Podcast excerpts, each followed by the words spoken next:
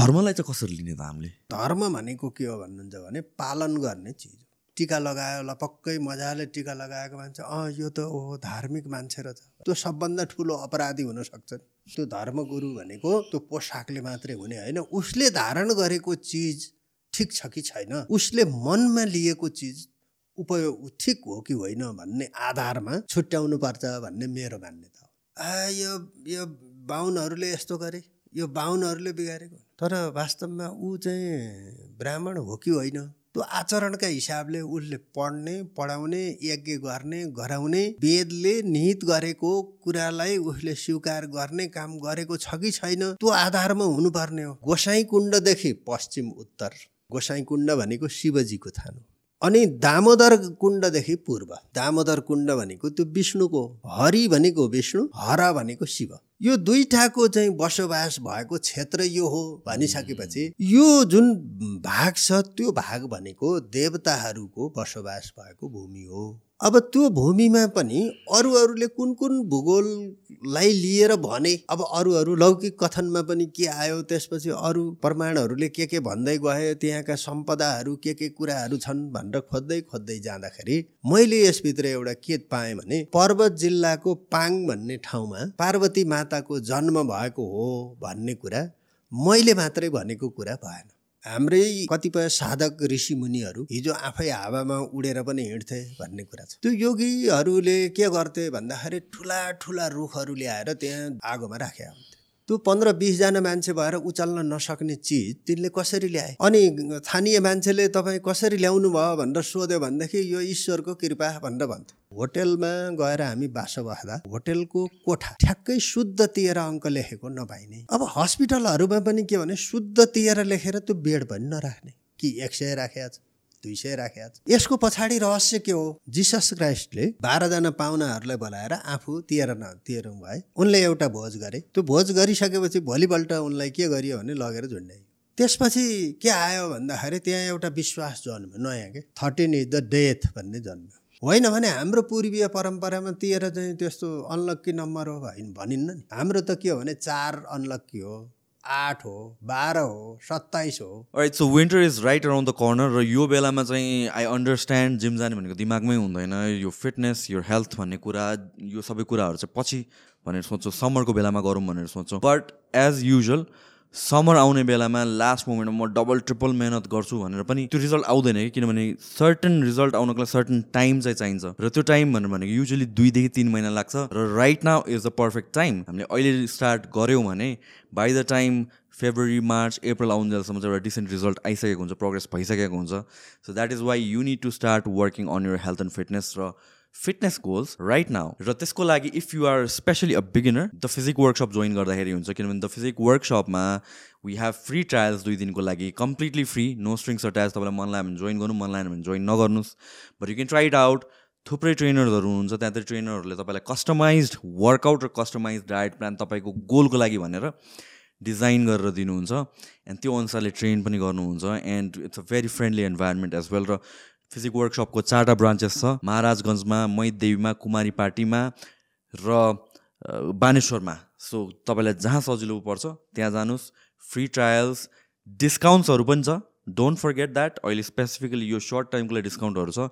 यहाँ दिइरहेको गिभन नम्बर्समा तपाईँले कल गरेर बुझ्नुभयो भने एन्ड केही नभए पनि ट्रायलको लागि जानुभयो भने दुई दिनको लागि then you can make up your mind then you can see if you can join र best thing is with one membership तपाईँले चारवटै ब्रान्च भिजिट गर्न सक्नुहुन्छ. So if you're from Maharajganj join गर्नुभएको छ तपाईँलाई बानेश्वरमा ट्रेन गर्न मन लाग्यो भने पनि you can easily do that because all this gyms are a chain एउटा सबै एउटा टिपिडब्ल्युकै ब्रान्चेस हो.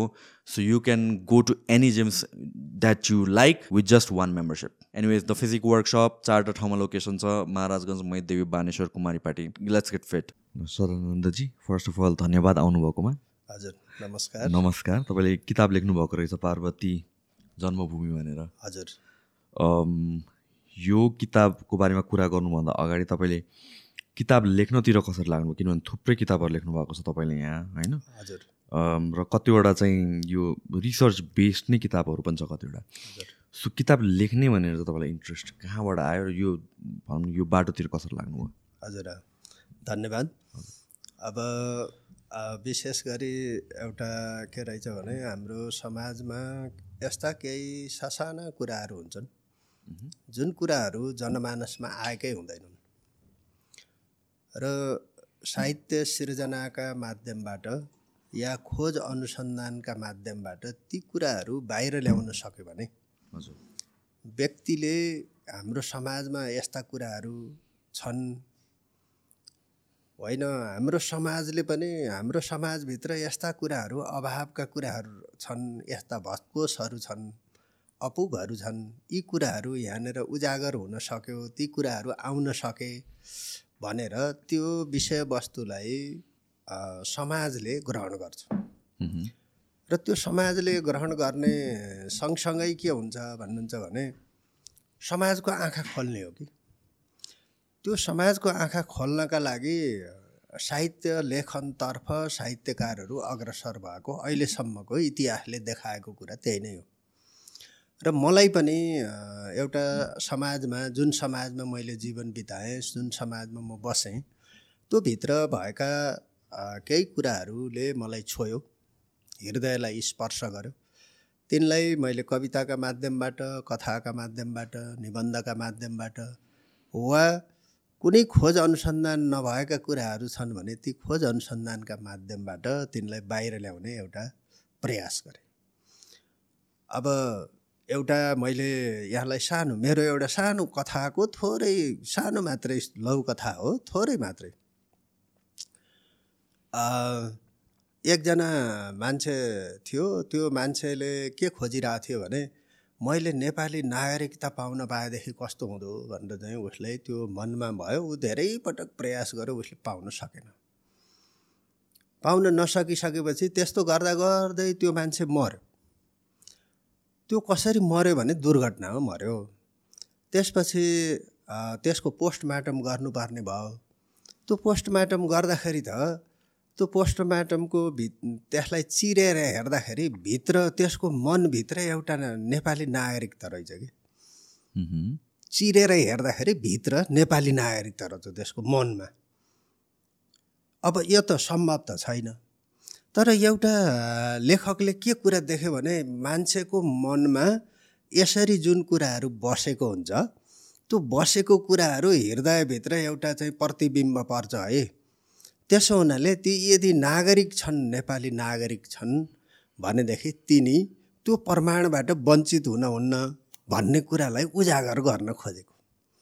त्यसो हुँदाखेरि यस्ता जुन कुराहरू हुन्छन् ती कुराहरू भनेका के हुन् भने त्यो अहिलेको जीवन पद्धतिसँग जोडेर तिनलाई बाहिर ल्याउने कुराहरू हुन्। र त्यसैसँग नै सम्बन्धित भएर मैले सृजना त्यसपछि समालोचना र खोज अनुसन्धानका कुराहरू तिनै समाजसँग नै जोडिएर गरेको छु। र मेरो त्यही पक्ष नै मेरो खास अध्ययनको क्षेत्र पनि हो। सो यो किताब लेख्नलाई चाहिँ एकदमै समय लाग्यो भनेर भन्नुभयो तपाईँले। किनभने चाहिँ प्रायः जस्तो भनौँ न मोटो मोटो बुक लेखिन्छ अनि त्यसमा समय लाग्छ भनेर भन्छ। यसमा चाहिँ एकदम झन् धेरै समय लाग्यो। हजुर। यो हल्का त्यत्रो मोटो नभए पनि तर यसमा सबभन्दा धेरै समय लाग्नुको कारण चाहिँ के हो? अब एउटा के हो भन्नुहुन्छ भने यो प्रागैतिहासिक सम्पदाको खोजी हो। अब मैले यसको नाम नै त्यही भएर प्रागैतिहासिक सम्पदा पार्वती जन्मभूमि भन्ने नाम राखेको हुँ। अब यस्ता कुराहरू के हुँदो रहेछन् भने धेरै ठाउँमा खोज्नुपर्ने हुने। जस्तो यहाँलाई मैले एउटा भनौँ मैले सिङ्गो रामायण पढिसकेपछि मैले त्यहाँबाट एक दुईवटा श्लोक मात्रै यसभित्र राख्ने मौका पाएँ। अब महाभारतको अरू क्षेत्रतिर भन्दा पनि यो वन पर्वसँग सम्बन्धित छ भन्ने कुरालाई लिएर वन पर्वको कुरा एक दुईवटा श्लोक मात्रै मैले राख्न पाएँ। अब यो रामेणापि तप तपस्तप्तम सीताया चात्र पुनः भन्ने त्यहाँ श्लोक छ। हेर्नुहोस्। त्यहाँ राम लक्ष्मण र सीता त्यो ठाउँमा पुगे। भन्ने कुरालाई प्रमाण चाहियो त्यही प्रमाण त्यति श्लोकको लागि त्यत्रो ग्रन्थहरू पढ्नु पऱ्यो त्यसो हुनाले यो किताब लेख्दाखेरि मलाई छ वर्ष। मैले यसमा खोज अध्ययन गरेँ भूगोलमा गएँ। त्यसपछि त्यहाँको जुन समाज छ त्यहाँका समाजका मान्छेहरूले विविध कुराहरू सुनाए। त्यो सुनाएका कुराहरू त्यो लोक जीवनका कुराहरू लोक प्रमाणका कुराहरू अनि त्यो क्षेत्रभित्र भएका ती सम्पदाहरू त्यो सम्पदामा प्राप्त भएका कतिपय मान्छेको एउटा के पनि हुँदो रहेछ भने हरेक कुरालाई हामीले धार्मिक दृष्टिकोणले मात्रै जोडिरहेको हुन्छौँ। हो। हेर्नुहोस् सुशान्तजी अब त्यो धर्मका हिसाबले मात्रै हेर्ने होइन। हामीले त त्यसको चाहिँ प्राग ऐतिहासिक के छ यहाँ तथ्य केही छ कि छैन अथवा यहाँ उत्खनन गऱ्यो भने केही कुरा प्राप्त हुने अथवा यहाँ प्राप्ति हुने चिज पनि केही प्राप्त छ कि छैन। भन्ने कुरा पनि हेर्न पर्दो रहेछ। र त्यो हेर्दाखेरि त्यो खोज्दाखेरि ती धेरै खालका ठाउँहरूमा मैले खोज्दै जाँदाखेरि के भयो भने ती चिजहरू खोज्न पर्यो। अब मैले विभिन्न पुराणहरू खोमा खोज्न पर्यो। हाम्रो कतिपय यी महात्म्यहरू छन् जुन जस्तो गण्डकी नगमालिका भयो गण्डकी महात्म्य भयो हिमवत खण्ड भयो पशुपति पुराण भयो यी धेरै कुराहरू खोज्दै जाँदाखेरि त्यो भित्र जहाँ जहाँ जे जे सङ्केत थोरै थोरै पाइए ती थोरै थोरै कुराहरूलाई लिएर त्यसपछि सन्दर्भ मिलाएर राख्दै जाँदाखेरि यो पुस्तक लेख्दा मलाई अलि लामो समय लागेको हो। फेरि अर्को एउटा के पनि रहेछ भने एकजना लेखक भनेको त्यसैमा मात्रै डुबेर हिँड्न पनि सक्दैन योगी सन्यासी त होइन। अब उसले जुन कुरा खोज्छ खोज्दै जाँदाखेरि एउटा भेट्यो त्यसलाई राख्छ फेरि खोज्यो त्यसपछि फेरि त्यसलाई राख्छ। त्यो राख्दै राख्दै राख्दै राख्दै हिँड्ने रहेछ। त्यसरी राख्दै जाँदाखेरि मेरो यो पुस्तक आकार रूप तयार भयो अनि मैले यो प्रकाशित गर्ने काम गरेको। अब जहाँसम्म मैले दुईवटा पक्षबाट यो पुस्तकमा सामग्री लिएँ। एउटा पक्ष के हो भन्नुहुन्छ भने शास्त्रीय प्रमाण हो। शास्त्रीय प्रमाणका रूपमा मैले यसलाई अभिव्यक्त गरेँ। अर्को के हो भन्दाखेरि लोकजीवनले जुन कुरा भन्यो त्यो क्षेत्रमा जाँदा लोकले के भन्यो? के भन्छ त्यो लोकले? त्यो लोकले भनेका कुरालाई पनि मैले प्रमाणका रूपमा माने। त्यसो हुनाले त्यो लौकिक प्रमाणसँग सम्बन्धित र शास्त्रीय प्रमाणसँग सम्बन्धित यसभित्र सूचनामूलक र ज्ञानमूलक दुईवटा कुरा छन्। सूचनामूलक भनेको कस्तो खालको हुन्छ भन्दाखेरि ल यो कुरा यहाँनिर यसरी दिइएको छ भन्यो भने त्यो सूचनामूलक। होइन यो कुराले यो यो कुरालाई सङ्केत गरेर गएको छ त्यसो हुनाले यहाँ यो प्रमाण पुग्छ। भनेर लेख्दाखेरि के हुँदो रहेछ भने त्यो ज्ञानमूलक हुँदो रहेछ। त्यसो हुनाले त्यो ज्ञानमूलक र सूचनामूलक दुईवटा बनाएर लेख्दाखेरि मलाई यो अलिकति लामो समय लागेको हो र त्यसैसँग सम्बन्धित भएर मैले यो काम गरेको हुँ। सो लेख्ने मात्र होइन कि यसको त रिसर्च गर्नलाई पढ्नलाई नै सबभन्दा धेरै समय चाहिँ त्यहाँतिर लाग्यो होला। एकदम। खोज्न र पढ्न। खोज्न र पढ्नमा। हजुर।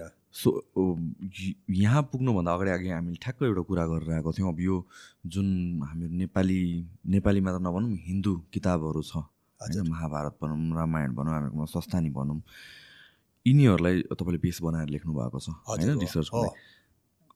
क्वेसन के आउनु सक्छ भनेपछि यो नै कथा हो कि काल्पनिक कथा हो कि कि यो भनेको हिस्ट्री हो रिप्रेजेन्टेसन होइन? अब अघिकै कुरा म फेरि हल्का दोहोऱ्याएँ। हजुर हजुर। यो इजरायल प्यालेस्टाइनको वार सुरु भएपछि पनि प्यालेस्टाइनको मान्छेहरूले भन् भन्छ कि यो हाम्रो एरिया हामी पहिलादेखि नै बसिरहेको ठाउँ यो जुइस पिपलहरूले के भन्छ भनेपछि होइन बाइबलमा हेर त्योभन्दा अगाडि जुइस पिपलको जग्गा हो यो भनेर एउटा डिबेट आयो। हजुर त्यसपछि संसारभरिको एक्सपर्टहरूले क्वेसन कहाँ आउनु थाल्यो भनेपछि जुइस पिपलले के को भरमा के को बेसिसमा भनिरहेछ भनेपछि बाइबलको। सो यो बाइबल भनेको साँच्चैकै घटेको घटना हो कि हिस्ट्री हो कि कि यो एउटा काल्पनिक कथा मात्र हो भन्नेमा चाहिँ अलिकति डिबेट चाहिँ भइरहेको छ त्यहाँतिर। त्यस्तै गरेर हाम्रो यो किताबहरूलाई पनि कसरी लिने यो भनेको काल्पनिक कथा हो कि यो साँच्चैकै घटेको घटनाहरू हजुर। अब एउटा के कुरा छ भन्नुहुन्छ भने सुशान्तजी यो हाम्रो जुन पहिचानको कुरा हो त्यो आफ्नो पहिचानको कुरा भनेको हाम्रो यो पूर्वीय सनातन पद्धतिसँग जोडिएको सबभन्दा पुरानो ग्रन्थ भनेको वेद हो। सबभन्दा पुरानो। हो। ऋग्वेद हो। अब वेद हो वेदलाई विभिन्न भागमा बाँडियो। ऋग्वेद यजुर्वेद सामवेद अथर्ववेद गरेर बाँडियो वेद भनेको ज्ञान हो र त्यो ज्ञानको स्रोत हो। तर वेद धर्म प्रतिपादन गर्ने ग्रन्थ होइन। त्यसले धर्मलाई यो यस्तो धर्म मान्नुपर्छ भनेर वेदमा कहीँनिर पनि त्यो धर्मको प्रतिपादन गरेको पनि छैन त्यस्तो छँदा पनि छैन। अब जहाँसम्म यहाँले जुन यो प्यालेस्टाइनसँग सम्बन्धित कुराहरू उठाउनु भएको छ अब यी कुराहरू भनेका जस्तो बाइबलमा उल्लेख भएको कुरालाई प्रमाणका रूपमा मान्ने त्यहाँको सन्दर्भ आफ्नो होला। तर हाम्रो सनातनीहरूको एउटा प्रमाण मान्ने हामी कहाँनिरबाट जोडिनुपर्छ भने हामी जोडिने भनेको त वेददेखि हो हाम्रो वेद हो त्यसपछि हाम्रो आरण्यक हो त्यसपछि हाम्रा उपनिषदहरू हुन् त्यसपछि ब्राह्मण ग्रन्थहरू हुन् त्यसपछि पुराणहरू भनेका हुन् र पुराणहरू पछि पनि फेरि पुराणकै केही सन्दर्भलाई लिएर महात्म्यहरू निर्माण भएको त्यसो हुनाले वेद उपनिषद आरण्यक ब्राह्मण ग्रन्थ त्यसपछि पुराणहरू र उपपुराणहरू। यिनको जुन एउटा यिनको भनाइ छ तिनको तिनमा जुन ज्ञानको स्रोत उल्लेख गरिएको छ त्यो स्रोत भनेको कहिलेकाहीँ भूगोल अलि ठुलो हिसाबले पनि वर्णन गरिएको छ। जस्तो द्वीपका हिसाबले जुन वर्णन गरिएको छ सप्तद्वीप भनेर भन्यो। अब त्यो हिजोको सप्तद्वीपलाई आजको हिसाबले व्याख्या गर्न खोज्यो भने मिल्दैन। किन मिल्दैन भन्नुहुन्छ भने हिजो त्यही हिसाबले मात्रै लेखिएको थियो। हिजोका कुराहरू लेख्दाखेरि योजन भनेर लेखियो द्वीप भनेर लेखियो र आजको हिसाबले फेरि अर्कै ढङ्गले लेखिन्छ।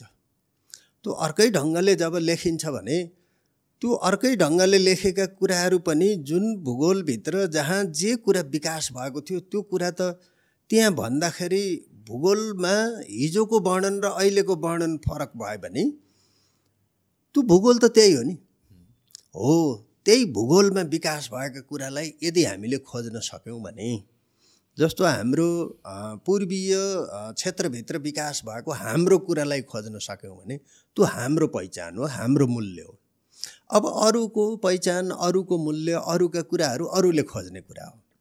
त्यसो हुनाले मलाई एउटा के लाग्छ भने वास्तवमा ती के हुन् भन्दाखेरि कतिपय कुरा इतिहासमा घटेकै कुराहरू पनि हुन्। इतिहासमा घटेका भएका कुराहरू हुन्। अब कतिपय कुरा त्यो इतिहासका कुरालाई पनि फेरि के हुनसक्छ भने मान्छेले लेखन गर्दै जाँदाखेरि अब त्यसलाई थोरै उसले आफ्नो वैयक्तिकता भन्छ कि व्यक्तिगत रुचि व्यक्तिगत चिन्तनसँग त्यसलाई जोडेर अब त्यो अगाडि लग्यो भनेदेखि अब भोलि गएर फेरि त्यही कुरा यस्तो लेखिया छ भन्ने पनि हुन्छ। त्यसैले अब यस्तो खालको त सबै ठाउँमा देखिन्छ होइन? तर तथ्यका हिसाबले हेऱ्यो भनेदेखि हाम्रा जुन ज्ञानका निधिहरू छन् हाम्रो जुन पूर्वीय वाङ्मयको ज्ञानको निधि छ त्यो ज्ञानको निधि भनेको त्यो हाम्रो आफ्नो मूल्य हो र त्यो भित्रको मूल्यले जे कुरा भन्छ हामी त्यसैमा खोज्दै गयौँ भने हाम्रो पहिचान हाम्रो कुरो आउन सक्छ। त्यसैले मलाई एउटा के लाग्छ भने ती ज्ञानका स्रोतहरू भनेका ऋषय मन्त्र द्रष्टा र भने ऋषिहरूले त मन्त्र देख्थे भने। लेख्थे होइन देख्थे। त्यो देखेको कुरालाई बल्ल लिपिबद्ध भएको हो नि। त्यसो हुनाले त्यो देखेका कुराहरू हुन् ती हाम्रा निधिहरू देखिएका हुन् र उनीहरूले त्यो लामो साधनाबाट त्यसलाई प्राप्ति गरेका हुन्। भन्ने हिसाबले यदि हामी गयो भनेदेखि ती के हुन् भने इतिहास पनि हो हाम्रो त्यो होइन? अब त्यो एउटा व्यक्तिले प्राप्त गरेको ज्ञानको स्रोत पनि हो। यी दुइटै कुरा हुन् भन्ने बुझ्न सकिन्छ। जस्तो कि अघि हामीले कुरा गरेर थियो साइन्सको कुरा साइन्सले पनि सबै कुरा त पत्ता लगाइसकेका हुँदैन। मलाई पनि म पनि विश्वास गर्छु यसमा टु सम एक्सटेन्ट हजुर। कि कति कुराहरू चाहिँ हाम्रो मेबी रिलिजियस टेक्स्टहरूमा छ कति कुराहरू या भन्छ अरू भन्नु पहिलाको किताबहरू इभन इन्टरनेसनली कुरा गर्दाखेरि पनि धेरै पहिला पहिलाको कुनै ढुङ्गामा लेखेको या केही कुराहरूमा लेखेको कुराहरू चाहिँ अनि त्यो काल्पनिक हो भनेर मान्छेहरूले सोचिरहेको हुन्छन्। तर पछि साइन्सले प्रुभ गरिदिन्छ कि होइन साइन्सले चाहिँ डिस्कभर गर्छ। त्यो बेलासम्म साइन्सले डिस्कभर गरे हुँदैन सो मान्छेहरूले होइन यो भने इमेजिनेसन मात्र हो भनेर भन्छन्। हजुर। त्यही कुरालाई फेरि साइन्सले डिस्कभर गरिसकेपछि पनि ब- गरिसकेपछि चाहिँ मान्छेले चाहिँ हो ए ओके यो चाहिँ साँच्चैको हिस्ट्री रहेछ एउटा। त्यसलाई चाहिँ नोट गरे रहेछ भन्ने हिसाबले चाहिँ लिन्छ। त्यसको अलङ द लाइन पनि तपाईँले भनिरहनु भएको थियो के कुराहरू। हजुर होइन मलाई एउटा के कुरा लाग्छ भने ज्ञान र विज्ञान यो दुईवटा कुरा। त्यो र ज्ञान र विज्ञानको गहिराई भनेको त्यो कहिल्यै पनि टुङ्गोमा पुग्ने चिज होइन। एउटा चिज प्राप्त भयो अहिले भन्दैमा त्यो फेरि अर्कोमा बढ्दैन भन्ने होइन। त्यो निरन्तर अगाडि बढ्छ त्यसो हुनाले ज्ञान र विज्ञानको स्रोत निरन्तर अगाडि बढिरहने वस्तु हो। अब हाम्रै कतिपय साधक ऋषिमुनिहरू हिजो आफै हावामा उडेर पनि हिँड्थे भन्ने कुरा छ। हेर्नुहोस् है। मैले यो पार्वती जन्मभूमिमा एउटा त्यस्तै कथा लेखेको छु। अब यो त्यहाँको स्थानीय मान्छेले सुनाएको कुरा लेखेको मैले। सुनाएको। त्यो एकजना मान्छेले मात्रै होइन। होइन हामीलाई त बाबुबाजेले यसरी सुनाउँदै आए यही कुरा हामीले सुनियो भने। त्यो एउटा क्षेत्र शिवपुरी जुन पार्वती जन्मभूमिको परिसर छ त्यहाँ योगी तपस्वीहरू तपस्या गर्थे। त्यो योगीहरूले के गर्थे भन्दाखेरि ठुला ठुला रुखहरू ल्याएर त्यहाँ आगोमा राखेका हुन्थे। त्यो पन्ध्र बिसजना मान्छे भएर उचाल्न नसक्ने चिज तिनले कसरी ल्याए अनि स्थानीय मान्छेले तपाईँ कसरी ल्याउनु भयो भनेर सोध्यो भनेदेखि यो ईश्वरको कृपा भनेर भन्थे मह्म।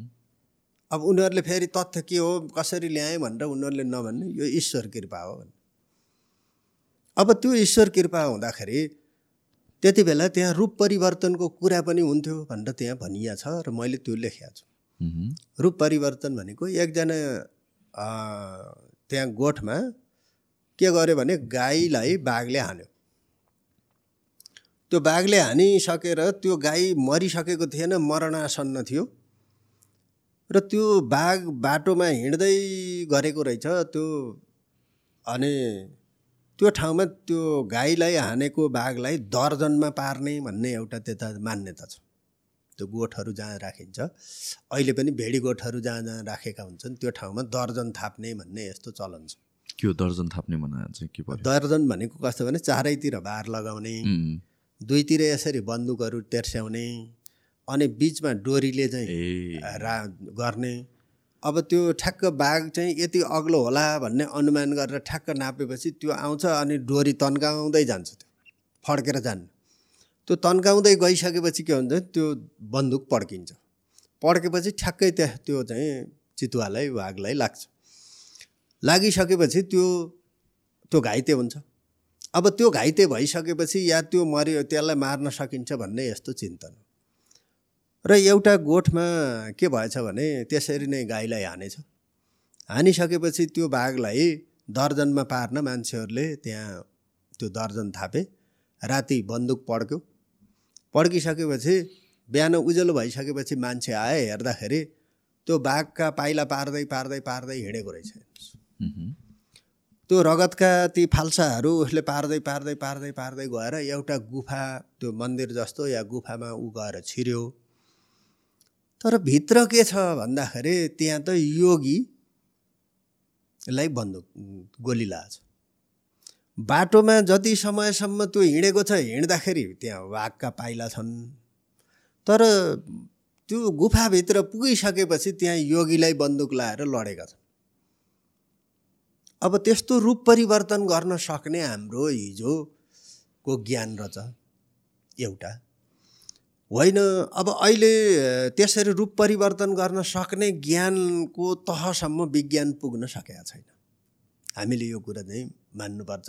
अहिलेसम्म विज्ञानले रूप परिवर्तन गर्ने कुरा ल्याएको छैन। हिजो मान्छेहरूले बाँदरहरूसँग कुराकानी गर्ने चराचुरुङ्गीहरूसँग पनि कुराकानी गर्ने सर्पसँग नि कुराकानी गर्ने अरू वस्तु अरू चाहिँ यो के भन्छन् गाई वस्तुहरूसँग नि कुराकानी गर्ने गरेका त्यस्ता हामी सन्दर्भहरू सबै पढ्छौँ। अब अहिले एउटा जस्तो काग बोलाउने कुरा त हाम्रो यहाँ अहिले भएकै छ। भनेपछि त्यो हिजो त्यो कुरा सम्भव रहेछ कि भन्ने मान्न सकिन्छ। र विज्ञानले पनि यदि त्यो भाषा सिक्यो भने त्यो प्राणीलाई बोलाउन सकिन्छ अथवा त्यो प्राणीसँग कुराकानी गर्न सकिन्छ भन्ने कुरा प्रमाणित गर्यो अब अर्को पक्ष के हो भने हाम्रो ज्ञान भण्डारमा हिजोको हाम्रो ज्ञान भण्डारमा मान्छेको टाउकोमा अन्य प्राणीको टाउको लगाएर जोडेको छ। दक्ष प्रजापतिको टाउकोमा भेडाको लगाएर जोडेको छ। अब त्यो उसको के भन्छन् गणेशको टाउको चाहिँ हात्तीको जोडेको छ। अब अहिले यदि हामीले त्यो कुरा असम्भव हो भनेर यदि भन्यौँ भने भोलि त्यो सम्भव हुन सक्ने कुरा त विज्ञानले खोजी गरिरहेछ एउटा प्राणीको शरीरमा अर्को प्राणीको शरीर लगेर जोड्न सकिने त छ त। बाँदरको हो कलेजो अ, लगेर मान्छेमा प्रत्यारोपण गरेका घटना त आइसके। अब मान्छे र अन्य प्राणी दुई किसिमको यस्तो चाहिँ जन्माउन सकिन्छ भन्ने खालको कुरा पनि प्रमाणित भइसक्यो। भनिसकेपछि अब विज्ञान अहिलेसम्म त्यो टाउको नै जोड्ने कुरामा अझै सफल हुन सकिरहेको छैन। त त्यहाँसम्मको अध्ययन त विज्ञानले गरिरहेछ भनिसकेपछि भोलि यो कुरो सम्भव हुनसक्छ भन्यो भने त हाम्रो पूर्वीय ज्ञान भण्डारमा हिजो पनि त्यो खालको विज्ञान विकसित थियो। मान्छे उड्न पनि सक्ने स्वत उड्न सक्ने प्राणीसँग कुराकानी अन्य प्राणीसँग कुराकानी गर्न सक्ने दोहोरो संवाद गर्न सक्ने त्यस्तै गरेर एउटा प्राणीको शरीरको कुनै भाग अर्को प्राणीमा लगेर जोड्न सक्ने यो खालको विज्ञान हिजो पनि विकास भएको रहेछ कि यो विकास भएको कुरोलाई यो चाहिँ गलतै हो भनेर हामी भन्न मिल्दैन। अहिले यदि विज्ञानले प्रमाणित गर्यो भने हामीले त्यो कुरो ठिक हो भनेर भन्ने प्रमाणित नगर्दासम्म यो विज्ञान विकास भएको थियो भन्ने कुरालाई मात्रै लिन सक्छौँ। त्यसो हुनाले यो पनि एउटा विज्ञान नै हो। अब यही कुरा हाम्रो सनातन पक्षबाट यदि त्यसलाई गहिराइमा गएर अध्ययन गर्यो खोज गर्यो भने यस्तो भेट्न सकिन्छ। यसमा क्वेसन के आउँछ भनेपछि जस्तो कि तपाईँले भन्नुभएको पनि एउटा कुरा ठिक हो कि हामीले यो जुन नलेज छ जुन ज्ञान छ त्यसलाई हामीले धर्मको रूपमा मात्र लिन सक्यौँ र त्यो धार्मिक कुराहरू हो न कि यो पहिलाको हिस्ट्री हो भनेर हामीले त्यसरी हेरेनौँ एउटा हिसाबले त त्यो भयो। एकदम। र अर्को कुरा चाहिँ जुन तपाईँले भन्नुभयो कि यत्रो पहिला चाहिँ भएको कुराहरू हो पहिला पोसिबल कुराहरू अहिले आएर त हरायो चाहिँ कसरी हरायो होला यो कुराहरू हामीले ए अब यो एउटा के भने समयअनुसार कैयौँ कुराहरू चाहिँ यो हराउँदै जाने नयाँ नयाँ कुराहरू विकास हुने यी कुरा भनेको समयअनुसार हुने कुरा हुन् भनेर हामीले भन्न सक्ने हुन्छ। जस्तो गीतामा एउटा के भनेको छ भने धृतराष्ट्र त अन्धा थिए। महाभारतको लडाइँ भइरहेको थियो। त्यो महाभारतको लडाइँ भइराखेको ठाउँमा सञ्जयले एउटा त्यो दरबारमा बसेर महाभारतको लडाइँ कुरुक्षेत्रमा यसरी भइराखेको छ भन्ने कुरा त्यहाँ विश्लेषण गरेको कुरा गीतामा पाइन्छ। धर्म क्षेत्रे कुरुक्षेत्रे समवेतायुत्सव ममका पाण्डवाश्चैव किम कुरुवत सञ्जय भनेर यस्तो त्यहाँ त्यो भनेर उनले त्यो वर्णन गरिराखेको कुरा आएको छ। गीताले भनेका कुरा अहिले त तपाईँ त्यो कुरो सम्भव भयो नि त विश्वको जुनसुकै कुनामा भएको चिजलाई पनि अहिले हामी प्रत्यक्ष हेर्न सक्छौँ। भनेपछि त हिजो पनि त्यो ज्ञान त विकास भएर त नि। तर त्यो त्यो ज्ञान के भयो भने समयअनुसार लोप भयो। अब लोप भइसकेपछि के भयो भने त्यसको त थोरै कुराहरू यस्ता यस्ता कुराहरू थिए भन्ने मात्रै रह्यो। अरू लोप भयो। होइन? अब त्यो लोप भइसकेपछि मान्छेले त्यो हिजोको सबै कुरा यसरी भन्ने प्रविधि ज्ञान गर्न सकेन। र अहिलेको प्रविधिले फेरि त्यही हिजोकै हामीले जुन कुरा विश्वास गरेका थियौँ त्यही कुरा अहिले प्रमाणित गर्यो। त्यो भनिसकेपछि त हिजो पनि केही न केही प्रविधि विकास नभएसम्म कुरुक्षेत्रमा भइराखेको लडा लडाइँलाई सञ्जयले धृतराष्ट्रलाई वर्णन गरिरहेको कुरा त त्यसै आएको छैन भनेपछि केही थियो। अब यो कुराहरूसँग हामी जोडिन सक्छौँ। अब यी कुराहरू अब यो खोज अध्ययनका विषय हुन्। अब हामीले त्यसमा अझै पनि केही कुरा खोज्दै गयौँ त्यसलाई यसरी हो भन्ने कुरा प्रमाणित गर्न सक्यौँ भने हाम्रो पक्षबाट पनि यो कुरो हो भनेर देखाउन सक्छौँ प्रमाणित गर्न सक्छौँ। अब यिनै कुराहरू हाम्रा मूल्य हुन् ती मूल्यसँग हामी जोडिनुपर्छ भन्ने मेरो एउटा अम, अभिमत हो।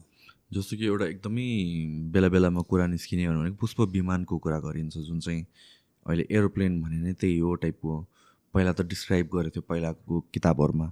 पहिला त थियो होला भन्ने भन्ने कुरा हो छ र अहिले आएर चाहिँ त्यही बनायो सो त्यो त अहिले होइन कि पहिला थियो पहिला डिस्क्राइब गरिसकेको यो फेरि बनाएको भन्ने कुरा छ एउटा इन्ट्रेस्टिङ थ्योरी के छ भनेर भन्दाखेरि यो थुप्रैजना रिसर्चरहरूले पनि अब यो होला कि भनेर चाहिँ कन्सिडर गरिरहनु भएको छ र त्यो कति कुराहरू हामीहरूको इस्टर्न फिलोसफीसँग पनि म्याच हुन्छ क्या हजुर सो जस्तो कि यो त हाम्रो त कुराहरू यो रिलिजियस एस्पेक्टमा भएकोले त्यसलाई कसरी सिरियस लिने नलिने यो रिलिजन मात्र हो यो धर्मको किताबहरू मात्र हो भन्ने हिसाबले लिइन्छ तर जस्तो कि पिरामिडहरूको कुरा गर्ने हो भने। इजिप्सियनहरू.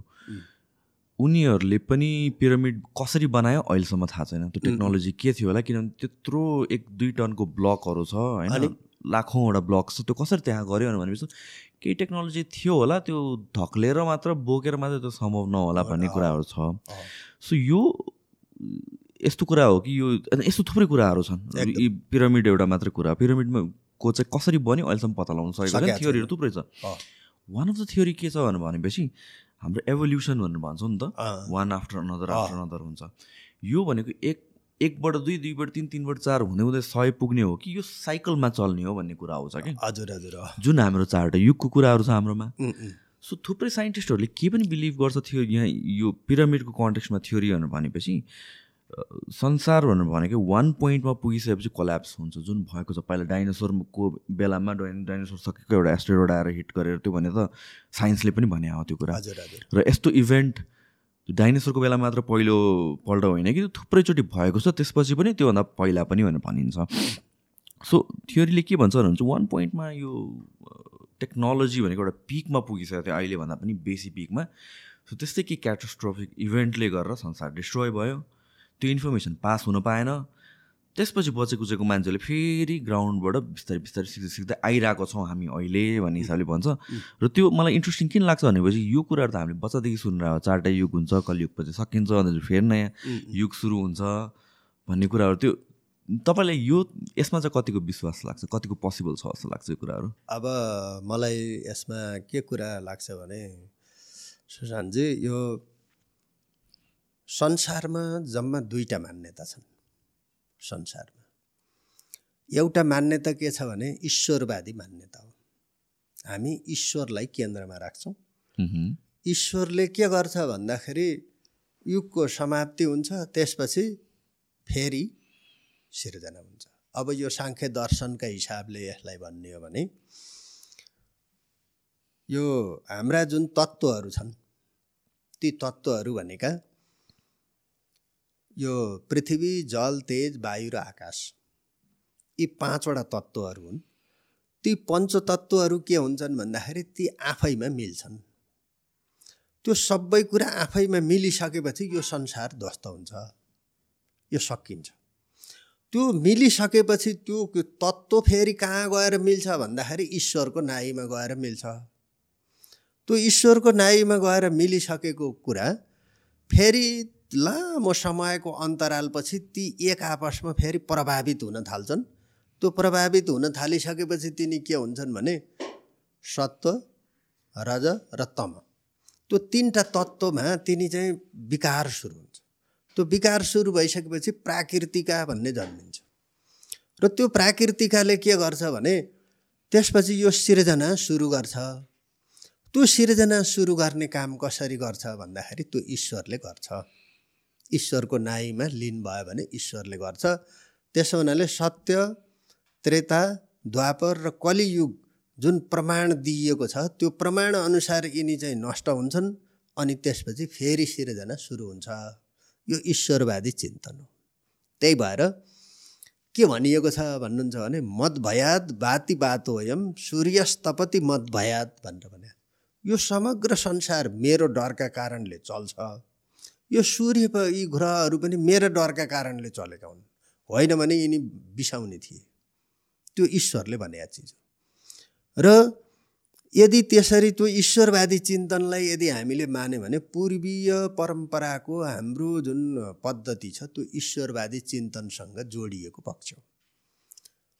सबै तत्त्व ईश्वरमा लिनुहुन्छन् त्यो लिन भइसकेपछि फेरि सृष्टिको रचना हुन्छ र फेरि त्यही कुरा सुरु हुन्छ।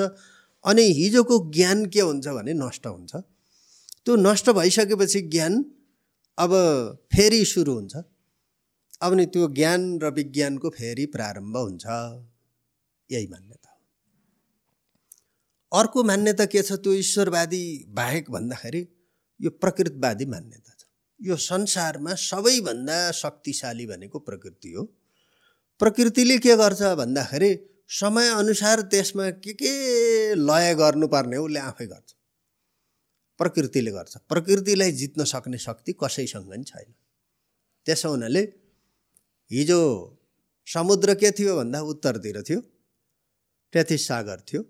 त्यो सागर त प्रकृतिमा उथल पुथल आउँदाखेरि दक्षिणतिर सर्यो।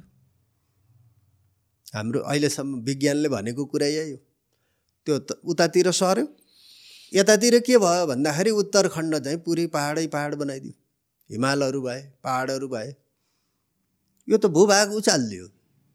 भोलि यदि प्रकृतिमा त्यस्तो खालको चाहिँ प उथल पुथल आउन थाल्यो भने यो के हुन्छ भन्दाखेरि अहिले भइराखेको संरचना नष्ट हुन्छ। त्यो कसरी आउँछ कसरी आयो कसरी किन यस्तो भयो भन्ने कुरा कसैले नि ज्ञान गर्न सक्दैन। त्यो प्रकृतिलाई त्यहाँनिर फेला पार्न सक्ने शक्ति छैन।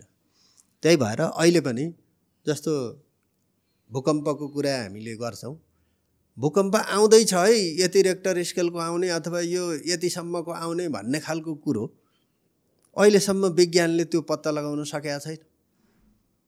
पूर्वीय ज्ञानले बरु केही कुरा भन्छ त्यसको बारेमा। त्यसको सङ्केतका कुराहरूको बारेमा केही भन्छ। तर विज्ञानले त्यो कुरा भन्न सकेका छैन। आएपछि मात्रै यतिको आयो भनेर नापेर भन्छ। नभए भन्दैन। अब नाप्ने पनि के छ भन्दाखेरि अब मैले मेरो जानकारी अनुसार यो दस रेक्टर स्केलभन्दा माथिको नाप्दै नाप्दैन। त्यहाँसम्मको मात्रै नाप्ने हो। त्योभन्दा माथि यदि आयो भनेदेखि त्यो विज्ञानले पनि त्यो नाप्ने चाहिँ त्यो पनि गर्न सकिरहेको छैन। भनिसकेपछि त यस्तो खालको प्रकृतिको शक्ति रहेछ। अब यदि प्रकृतिमा त्यस्तो शक्ति आफै विस्फोटन भयो भने अब यो त ध्वस्त हुन्छ। अब मानवीय संरचना र मान यो प्राणीहरू ध्वस्त हुनु भनेको के हो भन्दाखेरि उसले गरेका कुराहरू उसले बनाएका संरचनाहरू उसका ज्ञानका कुराहरू स्वत नष्ट हुने हो। त्यसो हुनाले त्यो नष्ट भइसकेपछि फेरि के हुन्छ भने फेरि यो लय सुरु हुन्छ। त्यो लय सुरु भइसकेपछि अनि फेरि त्यो ज्ञान धारा फेरि भिन्न ढङ्गले विकास हुँदै हुँदै जान्छ। र त्यो आवश्यकताका आधारमा गर्दै जान्छ। त्यही भएर आवश्यकता नै आविष्कारको जननी हो भन्ने। हामीलाई आवश्यकता पऱ्यो त्यो आवश्यकताको आधारमा हामीले काम गऱ्यौँ त्यो कुरा बनाउँदै बनाउँदै गयौँ।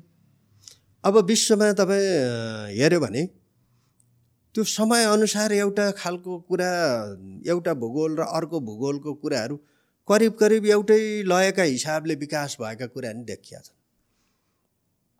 एउटै खालका कुरा। उदाहरणको लागि हामी के भनौँ भने अमेरिका पत्ता लगाएको त धेरै भएको छैन। तर अमेरिकाको त्यहाँको नारीहरूले लामो कपाल पाल्ने नाक कान छेड्ने अब अरू भूगोलका नारीहरूले पनि लामो कपाल पाल्ने नाक कान छेड्ने। होइन? मुद्रा गहना आदि इत्यादि लगाउने। त्यहाँ पत्ता नलगाउँदैदेखि नै यो कुरा त विकास भएर रहेछ नि। अब त्यहाँको मान्छेले यहाँको देखेर गरेका नि होइनन्। अन्य भूगोलको देखेर। अन्य भूगोलका मान्छेले त्यहाँको देखेर गरेका नि होइनन्। भनिसकेपछि त्यो समयले निर्धारण गर्ने कुरा भनेको करिब करिब एउटै हिसाबले निर्धारण गर्दो रहेछ। त्यो आवासका कुराहरू हेऱ्यो भने एउटै खालका कुराहरूसँग मान्छे जोडिएको छ। खानपानका कुराहरू हेर्दाखेरि करिब करिब एउटै जोडिएको छ। चिसो ठाउँमा हुँदाखेरि त्यो चिसो ठाउँको खानपानका कुराहरू एउटै देखिन्छन्। अलि गर्मी ठाउँको मान्छेहरूको अलि एउटै देखिन्छ। त्यसो हुँदाखेरि यो जुन दुईवटा मान्यता छन् एउटा ईश्वरवादी मान्यता अर्को प्रकृतिवादी मान्यता त्यो दुईवटा कुरा कुन बलवान हो त? अब यहाँ प्रश्न एउटा के आयो भने कुन बलवान होइन? अब यो एउटामा यो नै बलवान हो भनेर भन्न सकिने छैन। तर प्रकृतवादी मान्यता मान्ने मान्छेहरूले प्रकृतिलाई सर्वे सर्वा मान्ने मान्छेलेहरूले पनि के कुरा स्वीकार गरे भने यो हामीभन्दा पर अर्को शक्ति छ है गडनेस यो कुरा चाहिँ छ। यदि त्यसरी मान्छेले त्यो त्यो ईश्वरलाई यदि स्वीकार गर्छ भने त्यो ईश्वरलाई स्वीकार गरेको अवस्थामा त्यो त्यो प्रकृतिलाई मान्ने त्यो चिन्तनसँग जोडिएको मान्छे भने अन्तत ईश्वरसँग जोडिन बाध्य हुँदो रहेछ। अर्को शक्तिसँग। त्यो जुन शक्तिलाई अपरा शक्ति भनेर भनिन्छ त्यो अदृश्य शक्ति भनिन्छ त्योसँग जोडिन बाध्य छ। त्यसो हुनाले हामी अरू धेरै शक्तिका कुराहरूलाई हेर्दाखेरि एउटा केन्द्र चाहिँ हुनै पर्दो रहेछ। र त्यही केन्द्रसँग रहेर हेऱ्यो भनेदेखि हामी के पाउँछौँ भने हिजोका ज्ञानहरू लोप हुँदै जाने फेरि नयाँ ज्ञानहरू विकास हुँदै आउने यी कुरा चाहिँ हुँदै जान्छन् है प्रकृतिमा। त्यसैले यो कुनै अनौठो र नौलो विषय होइन भनेर हामी भन्न सक्छौँ। अहिले पनि मोडर्न वर्ल्डमा पनि प्रायः मान्छेले मान्ने भनेको जसले भगवान् या क्रिएटर छैन भनेर मान्दाखेरि पनि युनिभर्स छ भनेर भन्छ। त्यो नेचर नै त्यही हो। घुमफिरिकन भन्न खोजेको चाहिँ त्यही हो। त्यही हो। एउटा कोर मेसेज चाहिँ सिमिलर हुन जाने रहेछ। त्यसको इन्टरप्रिटेसन चाहिँ ठाउँ अनुसारले मान्छे अनुसारले धेरै कारण धेरै भेरिएबलको कारणले डिफ्रेन्ट हुने रहेछ। तर त्यसको कोर चाहिँ यसो हेर्दाखेरि चाहिँ प्रायः जहाँको पनि बिलिफहरू मोरले सिमिलर सिमिल्यारिटी चाहिँ देख्छु कि। एकदम। हजुर। हाम्रो जस्तो कि अब यो यो किताबमा एकचोटि जाउँ। सो यो किताबको मेन मेन यसबाट समरी भनौँ न। तपाईँले भेटाउनु भएको चाहिँ के हो? अब सुशान्तजी मैले यो पा प्राग ऐतिहासिक सम्पदा पार्वती जन्मभूमि भन्ने नाम राखेर यो किताबको बारेमा खोज्दै जाँदाखेरि अब हामी पहिले ज्वरोमा जानुपर्दो रहेछ। ज्वरो भनेको के हो भने हामी हिमवत खण्डमा बसोबास गर्छौँ। के भनेको छ हाम्रो शास्त्रीय प्रमाणले भने हिमवत खण्डमा देवताहरूको बास छ भन्यो। त्यो हामीले मात्रै भनेको होइन। हेर्नुहोस् है। त्यो त कसले भन्यो भने त्यो ईसाको सायद पहिलो शताब्दीतिरको कालिदासले पनि के लेख्यो भने अस्तित्वरस्याम दिशी देवतात्मा हिमालयो नाम नगाधिराज पूर्वा परौ तोय निधि बगाय स्थित पृथिव्याम इव मानदण्ड भन्ने यस्तो चाहिँ कुरा लेखे। त्यो देवताहरूको आत्मा बसोबास गरेको त्यो क्षेत्र पृथ्वीको मानदण्ड हो र त्यो पृथ्वीको मानदण्ड भनेको त्यो हिमवान राजाको क्षेत्र हो भने। अब त्यो हिमवान राजाको क्षेत्र भनेको अब हामी पछिल्लो समयसम्म आउँदाखेरि पनि के पायौँ भने यो उष्णकालीन र शीतकालीन दुई खालका दरबारहरू हुन्थे। पुरानो हामीले हेऱ्यो भने जाडोमा बस्ने क्षेत्र एउटा गर्मीमा बस्ने क्षेत्र अर्को। त्यसो हुनाले त्यो गर्मी समयमा जाडोतिर गएर बस्ने। जाडो समयमा अलि गर्मी हुने क्षेत्रतिर ओह्रालो झरेर बस्ने। कसैले त्यसलाई तल्ली उपल्ली पनि भन्थे। अहिले पनि हाम्रो समाजमा उधौली उभौलीको प्रचलन बाँकी नै छ। अब मान्छेले यसलाई उधौली उभौलीलाई त्यति गहिराइमा गएर हेरेनन् कि। त्यस्तो गहिराइमा गएर हेरेनन्। ए यो त हाम्रो उधौली पर्व हो भनौँ ए यो हाम्रो उभौली पर्व हो भनौँ त्यो पर्वका रूपमा मात्रै होइन। त्यसभित्र सभ्यताको कुरो छ। त्यसभित्र हाम्रो संस्कृतिको कुरो छ। त्यसभित्र हिजोकोदेखि चलिआएको परम्पराको कुरो छ। र यो क्षेत्रमा हिमवान राजाको राज्य थियो। त्यो हिमवान राजाको राज्य भएको भूगोलमा उनको शीतकालीन र उष्णकालीन दरबार पनि थियो। र त्यो शीतकालीन दरबार भएको ठाउँको लागि भागवतले एउटा कुरा के सङ्केत गर्यो भन्नुहुन्छ भने यज्ञ हिमालय क्षेत्रे मेनाया मिति सुश्रुम भन्नु जब दक्ष प्रजापतिको यज्ञमा सतीदेवीले प्राण त्याग गरिन् प्राण त्याग गरिसकेपछि शिवजीले के गरे भन्दाखेरि त्यो यज्ञ विध्वंस आदि इत्यादि त्यहाँ वीरभद्रले गरे अब पुराणको कुरा। अनि सतीदेवीको शरीरलाई बोकेर उनी हिँडे। बोकेर हिँडे। सबैतिर बोकेर हिँडे सबै ठाउँ पुगे। यो त स्वस्थानी व्रत कथामा नेपाली जीवनले धेरै जानेका कुराहरू हुन्। अब तर उनको आत्मा कहाँ गएर बस्यो? भन्दाखेरि त्यो मेनाको गर्भमा गएर हिमालयकी पुत्री भएर जन्मिनका लागि त्यहाँ गएर बास गर्यो भने। यज्ञ हिमालय क्षेत्रे मेनाया मिति सुश्रुमा त्यहाँ गएर बास गर्यो भन्ने कुरा सुन्यो। अब यहाँनिर एउटा रोचक प्रसङ्ग के पनि छ भन्नुहुन्छ भने यो नैनम छिन्नन्ति शास्त्राणी नैनम दहति पावक नचैनम क्लेदयन्त्यापो नशोषयति मारुत भन्छ कि। यो हाम्रो शरीर छ यो हाम्रो शरीरभित्र ईश्वरको बास छ आत्माको बास छ त्यो आत्मा भनेको ईश्वर हो त्यो ईश्वरलाई कुनै हतियारले काट्न पनि सकिन्न त्यसलाई जलाउन पनि सकिन्न। त्यो कुनै बेला नष्ट पनि हुँदैन। यो त के हुन्छ भन्दाखेरि सधैँभरि रहिरहन्छ त्यसो हुनाले त्यो आत्मा भनेको अमर हो। त्यही आत्मामा ईश्वरको बास ईश्वर नै त्यही हो आत्मा हो भन्यो। गीताले भनेको कुरा हो यो। अब यो कुरा भनिसकेपछि हिजोको विज्ञानले कुनै मान्छेको देहावसान भइसकेपछि त्यसको आत्मा कहाँ गएर बस्यो भन्नेसम्मको कुरो ज्ञान गरेर छ हिजोको विज्ञानले। मैले यो पार्वती जन्मभूमि नामको पुस्तकमा यहाँ विष्णुका दुईजना पार्षदहरूको उनीहरूको तिन जन्मसम्मको कुरालाई मैले यहाँ राखेको छु। त्यो देखाएर छ। विज्ञानले अहिले त्यसलाई परीक्षण गर्यो। विज्ञानले के गर्यो भने मान्छे मर्नै लागेको मान्छेलाई सिसाको घरभित्र राखेर त्यो कहीँबाट हावा नछिर्ने त्यस्तो सिसाको घरभित्र राखिदियो। राखिसकेपछि त्यो मान्छे त्यहाँ जब मर्यो मरिसकेपछि सिसा फुट्यो। मरेपछि फुट्यो। त्यहाँसम्मको कुरा मात्रै पत्ता लगायो। तर त्यो कहाँ गएर बस्यो भन्ने कुरा पत्ता लगाएन। त्यसैले हाम्रो ज्ञानले त्यो यहाँ गएर बस्यो भन्ने कुरा यसलाई देखायो। अनि त्यो हिमवान राजाको शीतकालीन दरबारमा मेनाको गर्भबाट चैत्र महिनामा के भयो भन्दाखेरि पार्वतीको जन्म भयो। अब त्यो जन्म उनको भयो र त्यो कुन ठाउँमा भयो कुन क्षेत्रमा भन्ने कुरालाई मैले यो भित्र त्यो यो यो कुराहरूको प्रमाणले गर्दाखेरि यो क्षेत्र हो भनेर मैले भने। अब त्यो कालिका गण्डकी तिरे जननी जन्मभूमिका भनेर भनेको छ।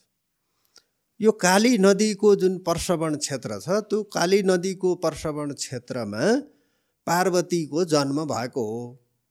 पार्वती माताको जन्म त्यहीँ भएको हो भन्ने कुरा भन्यो। अब अर्को एउटा सन्दर्भ के छ भने जस्तो हाम्रो हरियर क्षेत्र भनेर भनिन्छ। अब भूगोलका हिसाबले कसैले के कसैले के धेरै भनेका छन्। तर डक ज डक्टर जगमान गुरुङको एउटा अवधारणा के छ भन्दाखेरि उहाँले होइन यो त के हो भन्दाखेरि देवघाटदेखि उत्तर लागिसकेपछि त्यो हो अनि त्यसमा फेरि उहाँले अर्को एउटा कुरा के थप्नु भएको छ भने गोसाई कुण्डदेखि पश्चिम उत्तर। गोसाई कुण्ड भनेको शिवजीको थान। हो अनि दामोदर कुण्डदेखि पूर्व। दामोदर कुण्ड भनेको त्यो विष्णुको हरि भनेको विष्णु हर भनेको शिव। यो दुईटाको चाहिँ बसोबास भएको क्षेत्र यो हो भनिसकेपछि दामोदर कुण्डदेखि पश्चिम उत्तर। अब के अरे गोसाई कुण्डदेखि पश्चिम उत्तर दामोदर कुण्डदेखि पूर्व। यो जुन भाग छ त्यो भाग भनेको देवताहरूको बसोबास भएको भूमि हो। अब त्यो भूमिमा पनि अरू अरूले कुन कुन भूगोललाई लिएर भने? अब अरू अरू लौकिक कथनमा पनि के आयो त्यसपछि अरू प्रमाणहरूले के के भन्दै गए त्यहाँका सम्पदाहरू के के कुराहरू छन् भनेर खोज्दै खोज्दै जाँदाखेरि मैले यसभित्र एउटा के पाएँ भने त्यो पर्वत जिल्लाको पाङ भन्ने ठाउँमा पार्वती माताको जन्म भएको हो भन्ने कुरा मैले मात्रै भनेको कुरा भएन। योगी नरहरिनाथले जयदेव पौड्यालले गोरखा ख्याइका महाकाव्यको भूमिकामा यो कुरो लेख्नु भएको छ। जयदेव पौड्यालले अब कृष्णप्रसाद पराजुली शिशु भन्नेले कालन्जर क्षेत्रको बारेमा वर्णन गर्दाखेरि यो कुरो लेख्नु भएको छ। टिकाराम पौड्यालले पार्वती महाकाव्य लेख्दाखेरि त्यसको बारेमा लेख्नु भएको छ। बालकुमार छेत्रीले त्यो यसको बारेमा केही कुरा लेख्नु भएको छ। त्यस्तै गरेर हरिमञ्जुश्री जुन भोजपुरको हुनुहुन्छ उहाँले समयगाथा लेख्दाखेरि त्यो भित्र उहाँले यो यो कुरा अलिकति छिराएर लेख्नुभयो। भनिसकेपछि हिजो हाम्रा पौराणिक ग्रन्थहरूले मात्रै होइन रहेछ अहिलेको जीवन पद्धतिसँग जोडिएका पछिल्लो जीवन पद्धतिसँग जोडिएका मान्छेले पनि के गरेछन् भने ए होइन है त्यो क्षेत्रमा भएको भन्ने कुरा धेरै मान्छेले लेखेछन्। त्यसैले ती जो जो मान्छेहरूले लेखेका थिए ती लेखेका चिजहरूलाई प्रमाणको रूपमा राखेर अगाडि राखेर प्रमाण नभइकन बोल्न मिल्दैन। प्रमाणका रूपमा अगाडि राखेर अनि यो ठाउँमा भएको हो भन्ने कुरा फलानु फलाना मान्छेले यसरी आफ्नो ऐमत दिएको हुनाले यो हुनुपर्छ एउटा कुरा। दोस्रो अर्को कुरो मैले त्यो जहाँनिर पार्वती जन्मभूमि भनेर अरू अरू मान्छेले या शास्त्रले पनि भन्यो त्यो भनेको वरिपरिका सम्पदाहरू के छन् भनेर खोजेँ फेरि यो भित्र बाइसवटा सम्पदाहरूको बारेमा मैले लेखेको छु बाइसवटा सम्पदाहरू छन्। ती बाइसवटा सम्पदाहरू जस्तो हामी पार्वती गुफा भयो त्यो पार्वती गुफा अहिलेदेखि अहिले मात्रै मान्छेले भनेको होइन कि। पार्वती गरो भनेर त्यहाँ भन्छन् अब पार्वती चौर भन्छन् पा पार्वती स्नानागार भनेर भन्छन्। गुप्तेश्वर गुफा भनेर कुष्मा सदरमुकामको नजिकै गुप्तेश्वर गुफा छ। त्यहाँ शिवजी अलप भएको भनेर मान्यता छ। अब राम सीता लक्ष्मण दशरथ समेत पुगेको भनेर शास्त्रीय प्रमाण हुने मोदी बेणी छ। त्यहाँ पार्वती गङ्गा भनेर पार्वती खोलो त्यस्तो खालको छ। मङ्गलदा नदी भनेर त्यो दशरथले अवभृत स्नान गरेको ठाउँ छ। शिव पार्वतीहरू बसोबास गरेको ठाउँ भनेर सिरपु भनेर भन्छन्। त्यो शिवपुरी छ। त्यहाँ बराहा बरैनीहरू आएर यसरी यहाँ बसेका थिए र तिनीहरू अहिले त्यहाँ केही समय बस्दा बस्दै त्यहीँ लोप भए अलप भएका हुन् भन्ने यस्तो मान्यताको छ। त्यो शिवपुरीको आसपासमा नन्दे खर्क छ। शिवको वाहन नन्दी हो। नन्दे खर्क छ। सती पोखरी छ। कामधेनु छ। अब शैलजा भन्ने छ। शैलजा अहिले त्यहाँ शालिजा यस्तो नामकरण गरिया छ। शैलजा छ। गरुडेश्वर भन्ने ठाउँ छ। त्यो गरुड त विष्णुको वाहन हो। त्यो विष्णुको वाहन बस्ने ठाउँ गरुडेश्वर यस्तो खालको नामकरण गरिएको छ। अब यी जुन नामहरू छन् यी नामहरू भनेका त्यो पार्वती जन्मभूमिको वरिपरिका सम्पदा हुन्। त्यो अहिले मान्छेले भनेको या अहिलेका मान्छेले मात्रै भनेका चिज होइनन्। तर त्यहाँ लोकजीवनले ती कुराहरू सदियौँदेखि प्रयोग गर्दै गर्दै गर्दै आयो। तिनै कुराहरू नाम राख्दै आयो। त्यही कुराहरूको बारेमा लौकिक कथनहरू प्रचलित भए। त्यसैले यो पुस्तकको जिस्ट के हो भन्दाखेरि शास्त्रीय प्रमाणले यो यो कुरा भन्यो। कालिका गण्डकी तिरे जननी जन्मभूमिका। गण्डकीमा जुन कुरा प्रमाणका रूपमा अरू अरू मान्छेले पनि भने तिनी कुराहरूलाई लिँदै त्यसपछि यो ठाउँमा हुनुपर्छ भन्ने कुरा यी प्रमाणहरूले पुष्टि गर्छ है भनेर देखाउने यसको खास थिम हो। अब अर्को एउटा यहाँ सन्दर्भ के पनि छ भन्नुहुन्छ भने जब पन्ट पञ्चपाण्डवहरू वनवास गए त्यो वनवास जाँदाखेरि उनीहरू कुन कुन क्षेत्रमा गए? अब हामी कसरी दीक्षित भयौँ भन्नुहुन्छ भने हामी बनारसमा वृन्दावनमा हरिद्वारमा पढेर आउने। त्यहाँ गुरुहरूले जे कुरा सिकाउनु भयो त्यही कुरा हामीले सिक्ने। त्यहाँबाट जस्तो किताब छापिएर आयो त्यही किताब समातेर हामी कर्मकाण्ड या श्राद्ध गर्नेदेखि लिएर सबै कुरामा जाने। तर हामीले त्यो भित्रका कुराहरूलाई मनन गरिन्छौँ कि। मह्म। हामीले त्यो भित्रको जुन कुराहरू छ त्यसभित्र उल्लेख भएका कुरा त्यसलाई मनन गरेनौँ हेर्नुहोस् कालाञ्जरे सप्तच चक्रवाका ते मानसे ते भयमत्र सिद्धा। यो कुरा हामीले कहिले मनन गरेनौँ? पञ्चपाण्डवहरू कहाँ गयो भन्दा कालाञ्जर क्षेत्रमा गएर बसे मृगतीर्थमा गएर बसे। राम लक्ष्मणहरू कहाँ गए भन्दाखेरि कालाञ्जर क्षेत्रमा गएर बसे। उनीहरू त्यहाँ घुमे त्यहाँका विभिन्न ठाउँ जस्तो त्यहाँ हामी भूगोलमा गयो भने के देखिन्छ भन्दाखेरि सुशान्तजी त्यहाँ मान्छेहरूले भन्छन् यो भीमसेनले यो दाहिने हातले फालेको ढुङ्गा हो यो देब्रे हातले फालेको हो भनेर त्यहाँ सुनाउँछन् के? ठुला ठुला ढुङ्गाहरू छन्। त्यहाँ यो भीमले टेकेर परेको पाइला हो भनेर त्यहाँ भीम पाइला भन्ने नामै छ।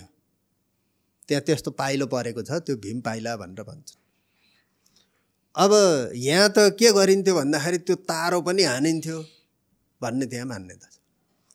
उनीहरू त्यो लाहाको घरभित्र लुकेर जुन बसेका थिए त्यो लुकेर बसेको ठाउँ यो हो भनेर त्यहाँ टोहरे भन्ने एउटा ठाउँ छ।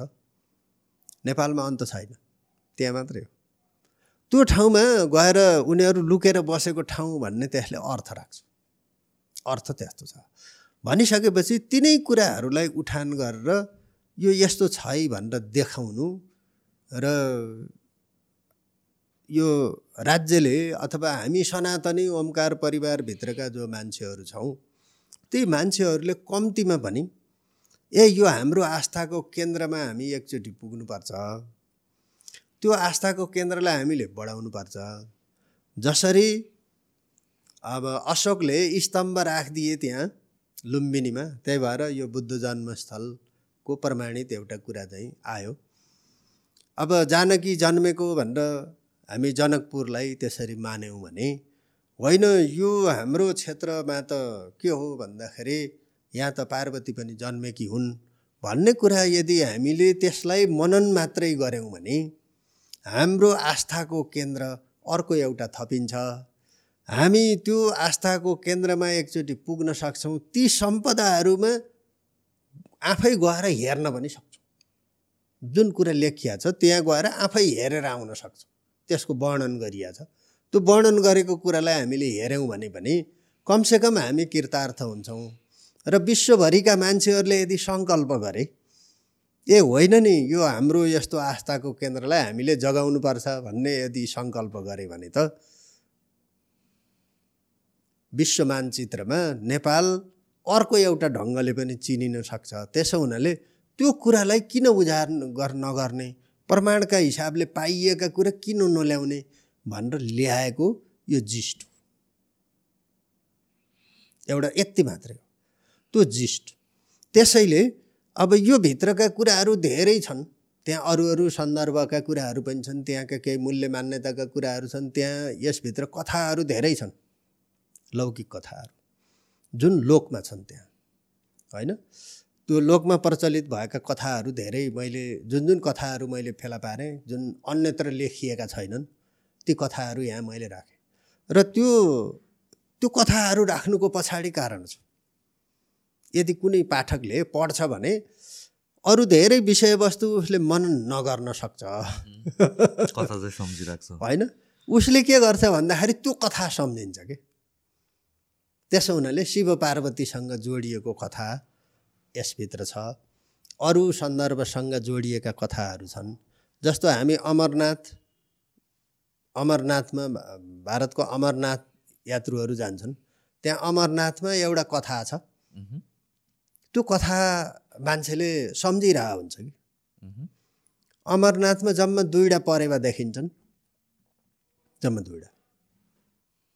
त्यो शिव र पार्वतीको बसोबास भएका ठाउँमा तिनीहरू पार्षदका रूपमा त्यहाँ छन् भन्ने एउटा मान्यता छ। र ती अमर छन्। शिवजीले पार्वतीलाई एउटा अमर कथा नमर्ने त्यस्तो कथा सुनाउँदै हुनुहुन्थ्यो। ल है मैले आँखा चिम्म गरेर तिमीलाई यो कथा सुनाइरहेको छु अमर कथा। तिमीले बिचबिचमा अँ अँ भन्दै जानुपर्छ।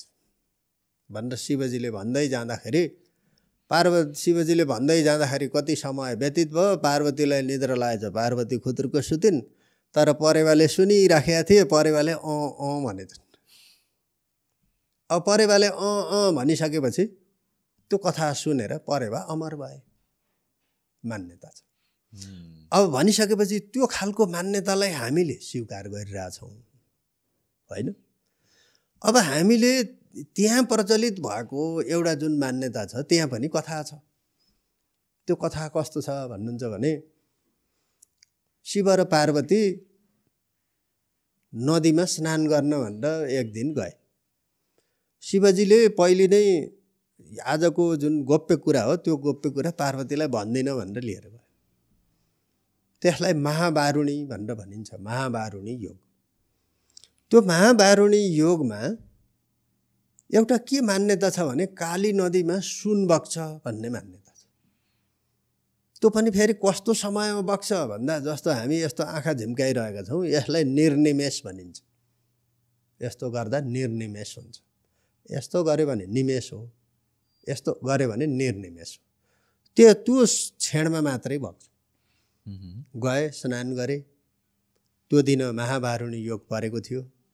त्यो निर्निमेष समय आउने बेला पार्वतीलाई ठ्याक्क त्यहाँबाट जल उगाउन शिवजीले लगाइसकेपछि अगाडि नुहाउँदाखेरि पनि जल पानी नै थियो।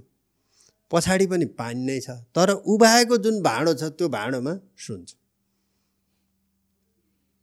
अब यो कसरी भयो? यस्तो पनि कहीँ हुन्छ। यस्तो भयो।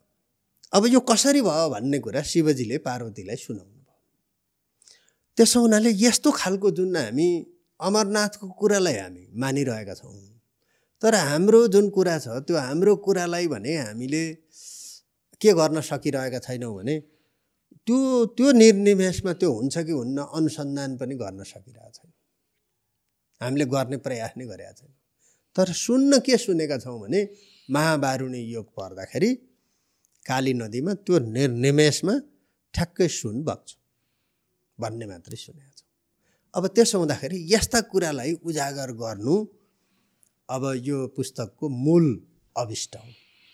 अब यिनै कुराहरूसँग जोडिएर र ती सम्पदाहरूसँग जोडिएर मान्छे कमसेकम त्यहाँ गयो भने आफ्नै आँखाले देख्ने गरी उसले आफैले गएको अनुभूति गर्ने गरी अब यो पुस्तक तयार भएको।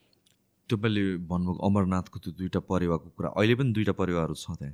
अहिले पनि दुईवटा परेवा छ भनिन्छ। म गएको छैन। होइन त्यहाँ जाने मान्छेले अहिले पनि दुईवटा परेवा मात्रै देख्छन् भन्ने मान्यता छ। होइन? अब यसमा एउटा एउटा कथा पनि छ। एउटा कथा पनि छ। त्यो अमरनाथमा बसेका ती दुईवटा परेवालाई के गरे भन्दाखेरि शिवजीले यिनीहरू त अमर हुन लाए त्यसो हुनाले यिनलाई चाहिँ मार्नुपर्छ भनेर समाउन खोज्दाखेरि हुर्र दौडेर हिँडे ज्यान बचाउनु दौडिँदै दौडिँदै तिनीहरू उडेर हिँडे। उडेर हिँडिसकेपछि शिवजीले पनि समाउन खोजिरहेका थिए। त्यो शिवजीले समाउन खोज्दाखेरि के भयो भने एउटा गएर ब्यासको श्रीमतीको मुखभित्र स्वाट्टै छिरे। एक एउटा एउटा परिवार। अर्को परिवार के गर्यो भन्दाखेरि अब उत्तराले आ गरेको बेला उनको भित्र गएर छिर्यो। यो दुईवटा छिरे। छिरिसकेपछि त्यहाँबाट दुईवटा चरित्र जन्मे। ती चरित्रको को हुन् भन्दाखेरि एकजना हुन् सुकदेव जसको नाम सुकदेव भनेर राखियो। अर्को राजा परीक्षित अब राजा परीक्षितलाई सर्पले टोक्यो सात दिनमा मृत्यु हुने भयो। त्यसो हुनाले त्यो अब आफ्नै भाइलाई सहयोग गर्नका लागि फेरि सुखदेव गए र त्यहाँ गएर फेरि उनले कथा सुनाएर उनलाई अमर बनाए। होइन? अब यस्तो कुरा पनि जोडिएको छ। मैले यो जोडिएको कुरा मात्रै भनेको होइन? त्यसैले त्यो आपत पर्दाखेरि के हुन्छ भने आफ्नै दाजुभाइ काम लाग्छ भन्ने यसले सन्देश दिएको अब त्यो कुरा पाइन्छ। एउटा सर्ट ब्रेक लिउँ है त हस्। सो यो जुन हामीले अघि कुरा गऱ्यौँ धर्म भनेको यो सबै कुराहरूलाई ज्ञान होइन कि धर्म जस्तो हामीले लियौँ भन्ने जुन कन्टेक्समा हामीहरू कुरा गरेर आएको थियौँ। धर्मलाई चाहिँ कसरी लिने त हामीले? अब धर्म भनेको त कस्तो भने धारण गर्ने चिज धार्यते अनैनैति धर्म हुन्छ कि? त्यो कसरी हुन्छ भन्नुहुन्छ भने जस्तो कोही मान्छे म बोल्दिनँ भन्ने धर्म लियो। ऊ आवाजै निकाल्दैन। कसैसँग नि बोल्दैन। अब नबोल्ने उसको धर्म हो नि त। बोल्दैन। होइन म त के बोल्छु भन्दाखेरि जे कुरा बोल्छु सत्य मात्रै बोल्छु असत्य कहिले नि बोल्दैन भने। यो दृष्टिले त्यही भने हो नि। उनले त त्यो लिएको धर्म हो। अब हामीले अहिले एउटा कस्तो हिसाबले व्याख्या गऱ्यौँ भन्नुहुन्छ भने संसारमा यी धर्महरू छन् भनेर विभिन्न धर्मका नाम लिइयो होइन? त्यो उसले त्यो अनुसारको आचरण गरेको छ कि छैन? उसले पालन गरेको छ कि छैन? त्यो शास्त्रीय अभिमतका दृष्टिकोणले त्यो उसलाई जुन कुरा पालन गर्न भनिएको छ त्यो गरेको छ कि छैन भनेर खोजी गरिएन। मानौँ म होइन म त एउटा हिन्दू हो म सनातनी हो। अब म त बुद्धिस्ट हो होइन म त क्रिस्चियन धर्मसँग सम्बन्धित हो। आदि आदि। अब कोही जैन धर्मसँग सम्बन्धित हो भन्ला।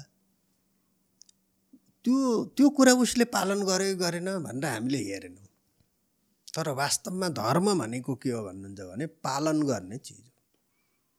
यदि उसले त्यो कुरा पालन गरेको छ भने मात्रै बल्ल के हुन्छ भन्दाखेरि त्यो धर्मको खास प्रयोगकर्ता हो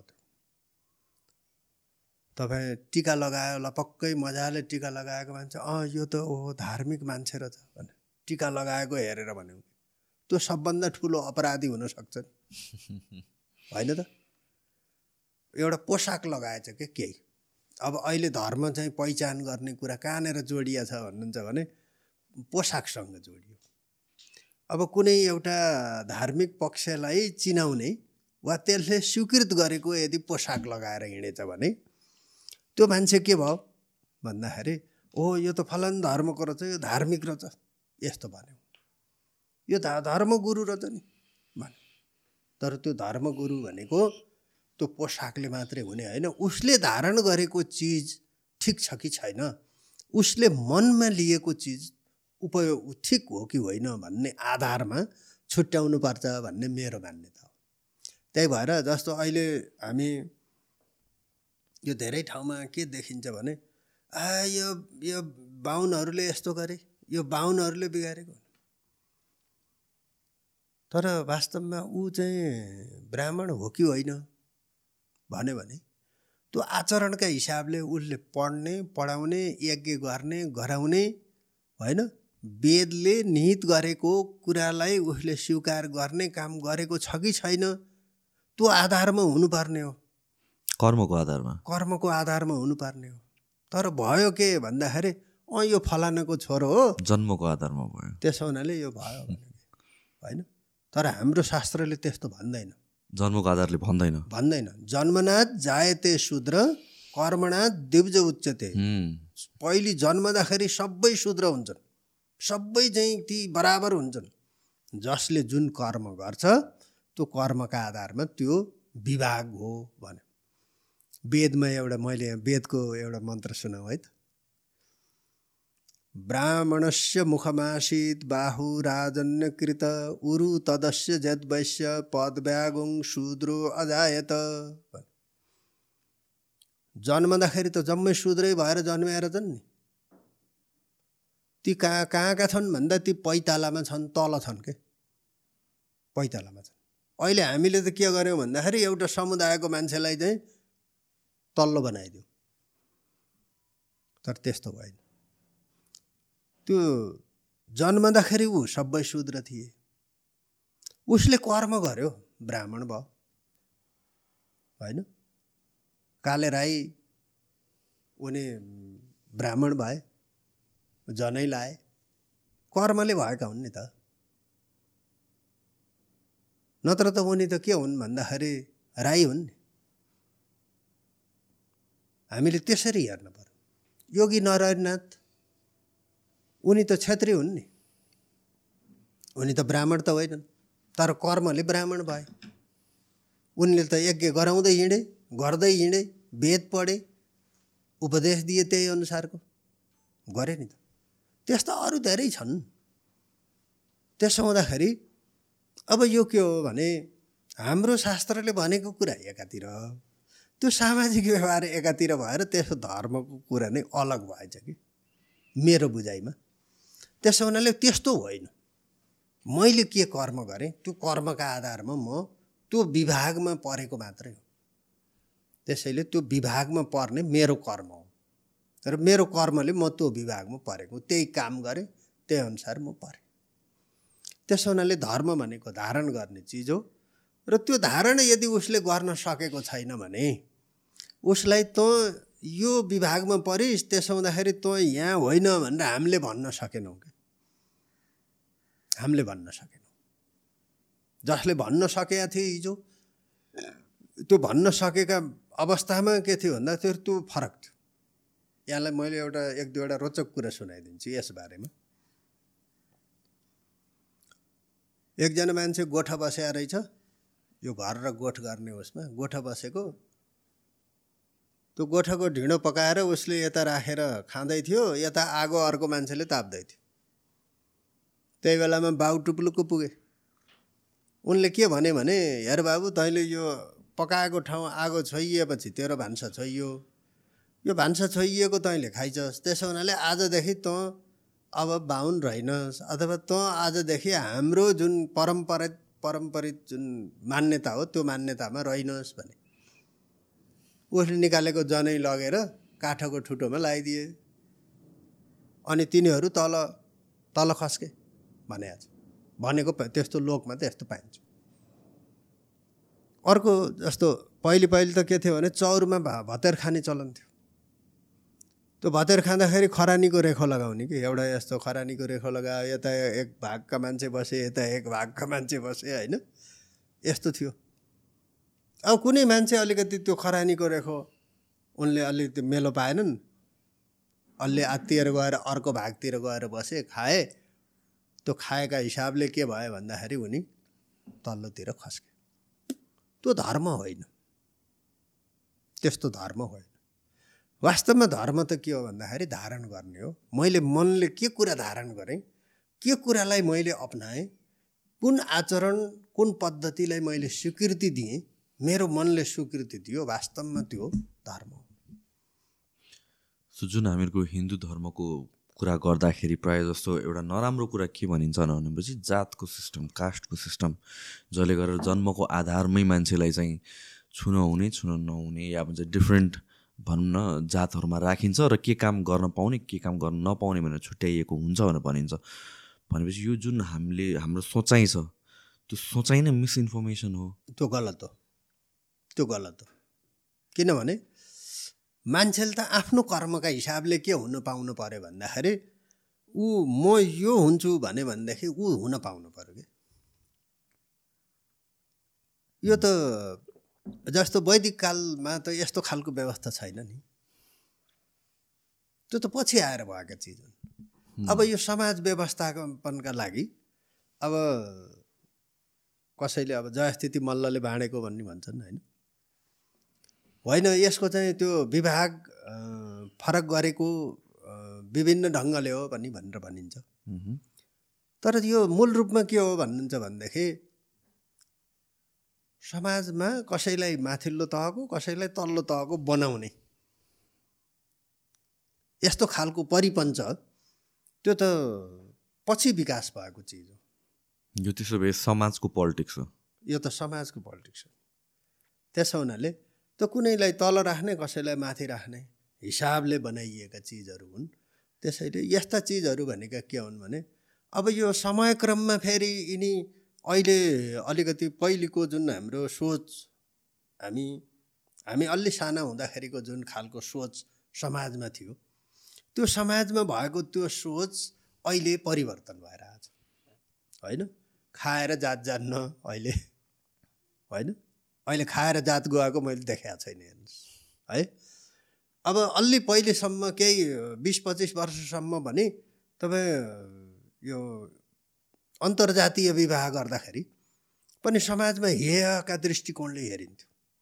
अहिले अब यो अन्तर्जातीय विवाह गर्दाखेरि पनि खासै समाजले अब त्यसलाई स्वीकृति दिन सुरु गर्यो। समाजले दिन सुरु गरिसकेको छ। अब यिनी कुराहरू हेर्दाखेरि के देखिन्छ भने हिजोको जुन समाज व्यवस्थाका कुराहरूसँग जोडेर त्यसलाई अलि अतिवादीपनमा विकास गरिएको थियो त्यो कुरा अब क्रमशः फेरि हराउँदै गएको छ। मान्छेले त के मान्न थाल्यो भने यो मान्छे योग्य हो यो मान्छे क्षमतावान हो यो प्रतिभा भएको हो। भन्यो भने त्यो प्रतिभा भएको क्षमतावान योग्य मान्छेलाई समाजका मान्छेले त्यो योग्य नै ठान्यो त्यसलाई योग्य नै ठानेर त्यही व्यवहार गर्न सुरु गर्यो। हो यसरी व्यवहार सुरु गर्न थाल्यो भनिसकेपछि त हिजोका कतिपय त्यस्ता खराब पक्षहरू पनि त्यो क्रमशः हराउने रहेछन् भन्ने बुझिन्छ। जस्तो मेरो आफ्नो एउटा उदाहरण दिन्छु सुशान्तजी। मैले स्कुल पढ्ने बेला जति बेला म स्कुल पढ्थेँ त्यो स्कुल पढ्ने बेला एउटा के समस्या थियो भन्नुहुन्छ भने स्कुलमा त विभिन्न खालको मान्छेहरू आएर सबै साथीहरू हुन्थे पढ्थे सबैसँग खेल्ने गर्ने हुन्थ्यो घर जाँदाखेरि त्यो त्यो छिटो पानीको छिटा नराखेसम्म छोइ छिटो भन्ने जुन मान्यता थियो नि त्यो छोइ छिटो नगरेसम्म घरभित्र छिर्नै पाइँदैन थियो कि? होइन? अब घरभित्र खाजा बनाएर राखेका छ घरका मान्छे काममा गएका छन् पल्लो घरका नि काममा गएका छन् उताका नि काममा गएका छन् आफूलाई भोक लागेको छ हेर्नुहोस् होइन? अनि त्यसपछि अब त्यो छोइ छिटो नगरेसँग घरभित्र छिर्न पाइँदैन। कस्तो समस्या? अनि मैले मेरो मलाई मन्त्रदान गर्ने गुरु हुनुहुन्थ्यो। गुरुलाई मैले यो कुरा भने। मैले बुवालाई पनि भने मैले गुरुलाई नि भने। होइन यस्तो समस्या। के गर्ने अब? यस्तो भयो भने? कोही मान्छे छैनन् भने के गर्ने? अनि पानी जम्मा भएको ठाउँमा एउटा ढुङ्गो समातेर जाने। अनि पानीमा चाहिँ त्यो ढुङ्गो ड्याममा हान्ने फाल्ने। त्यहाँबाट छिटा परेर आफ्नो शरीरमा परेपछि थुथु थुथु गर्ने अनि त्यसपछि घर आएर घरभित्र छिर्ने र खाजा खाने ल हेर्नुहोस् त मैले बेहोरेको चिज। होइन? आज त्यो समाजमा छ कि छैन? छैन। तर कतिपय समाजमा अझै पनि केही अवशेष होला। तर त्यो के हो भने गलत हो। होइन? त्यो मान्छेको त के हो भन्दाखेरि जन्मनाथ जायते शूद्र संस्कारात देवज उच्चते जन्मदा सबै त्यो शूद्र नै भएर जन्मिन्छन्। संस्कारका कारणले ऊ चाहिँ के हुने हो भन्दाखेरि त्यो उच्च आसनमा पुग्ने हो। त्यसो हुनाले त्यो उच्च खालको हुनको लागि उसको योग्यता क्षमता प्रतिभा उसको सिप उसले त्यहाँ त्यो बलवान हुने कुरा हो। भनेर त हिजै भने चिज हो नि। आज होइन। त्यसो हुनाले धारण गर्ने मान्छे मान्छेले के धारण गर्न सक्यो त्यो धारण गर्ने आधारमा धर्म हुन्छ। अब हामीले त्यसलाई गलत व्याख्या गर्दै पनि हिँडिरहेका छौँ त्यस्तो होइन।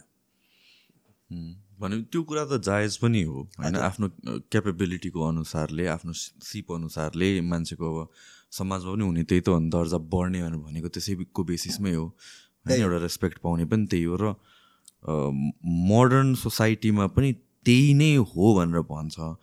पिच्चको समयमा चाहिँ मिसइन्टरप्रेट चाहिँ भइयो होला कति कुराहरू। होइन जस्तो कि जुन तपाईँले यो कुराहरू भन्नुभयो जातको कुराहरू प्रायः मान्छेले बुझेको इन्क्लुडिङ मैले पनि बुझेको त्यही नै हो कि हाम्रो धर्मग्रन्थहरूमा या भन्छ रिलिजियस टेक्स्टहरूमा या भन्छ हाम्रो रिलिजनले नै के भन्छ भनेपछि मान्छे जुन जात जुन घरमा जन्म्यो त्यो अनुसारले जात हुन्छ र त्यो अनुसारले उसले के गर्न पाउँछ के गर्न पाउँदैन र समाजले उसलाई कसरी हेर्ने। यो त हाम्रो धर्मले सिकाएको हो भनेर हामीले सिक्यौँ।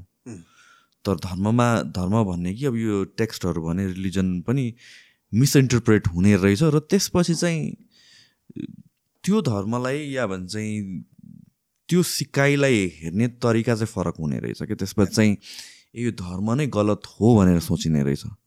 जब कि त्यो त त्यहाँ पनि लेखा छैन। बिचमा बिचमा बिग्रिया मात्र कुनै पनि धर्मले यो संसारमा कुनै पनि धर्मले मानिसको अहित हुने कुरा गर भनेर भन्दै भन्दैन। कुनै पनि धर्मले। एउटा। अर्को के भन्दाखेरि मानिसलाई अपहेलित गर्ने कुरा यो यसरी अपहेलित गर्नुपर्छ भन्ने कुरा नि भन्दैन। त्यसो हुनाले धर्म भनेको त के हो भन्दाखेरि त्यो त प्राणीको हितका निम्ति हुने चिज हो नि। प्राणीलाई कसरी हित गर्न सकिन्छ? यो संसारमा प्राणीको सुरक्षित प्राणीलाई कसरी सुरक्षित गर्न सकिन्छ? यो प्रकृतिलाई कसरी बचाउन सकिन्छ? यो प्रकृतिको सिर्जनालाई कसरी बचाउन सकिन्छ? भन्ने कुराको चिन्तनमा आधारित विषयवस्तुलाई हामी के गऱ्यौँ भने त्यो कुनै एउटा समयको कालखण्डमा त्यो आफ्नो सत्ता जोगाउने चक्रभित्र मान्छेले मान्छेलाई पारे र त्यो भित्र मान्छे परे अनि त्यसपछि त्यहाँ धर्मको नाम दिइयो अब लगेर जोडियो। भएको त यही हो। हिजो पनि थिएन। अब त्यो थियो हुनै पर्थ्यो भने त अहिले पनि त्यो एकदम पट्टर रूपमा भइरहनु पर्थ्यो। छैन नि। अहिले कैयौँ कुराहरू अब खुकुलो भएर आइरहेछन्। तिनी कुरा नगर्दा पनि त त्यो धर्म धानिएकै छ। भनिसकेपछि समाजमा यस्ता कुराहरू विकास हुँदै जान्छन्। फेरि तिनी घट्दै जान्छन् फेरि विकास हुन्छन् घट्दै जान्छन् त्यो विभिन्न ढङ्गले विकास हुने र घट्ने हुन्छ भन्ने अब यसले देखाइरहेको छ।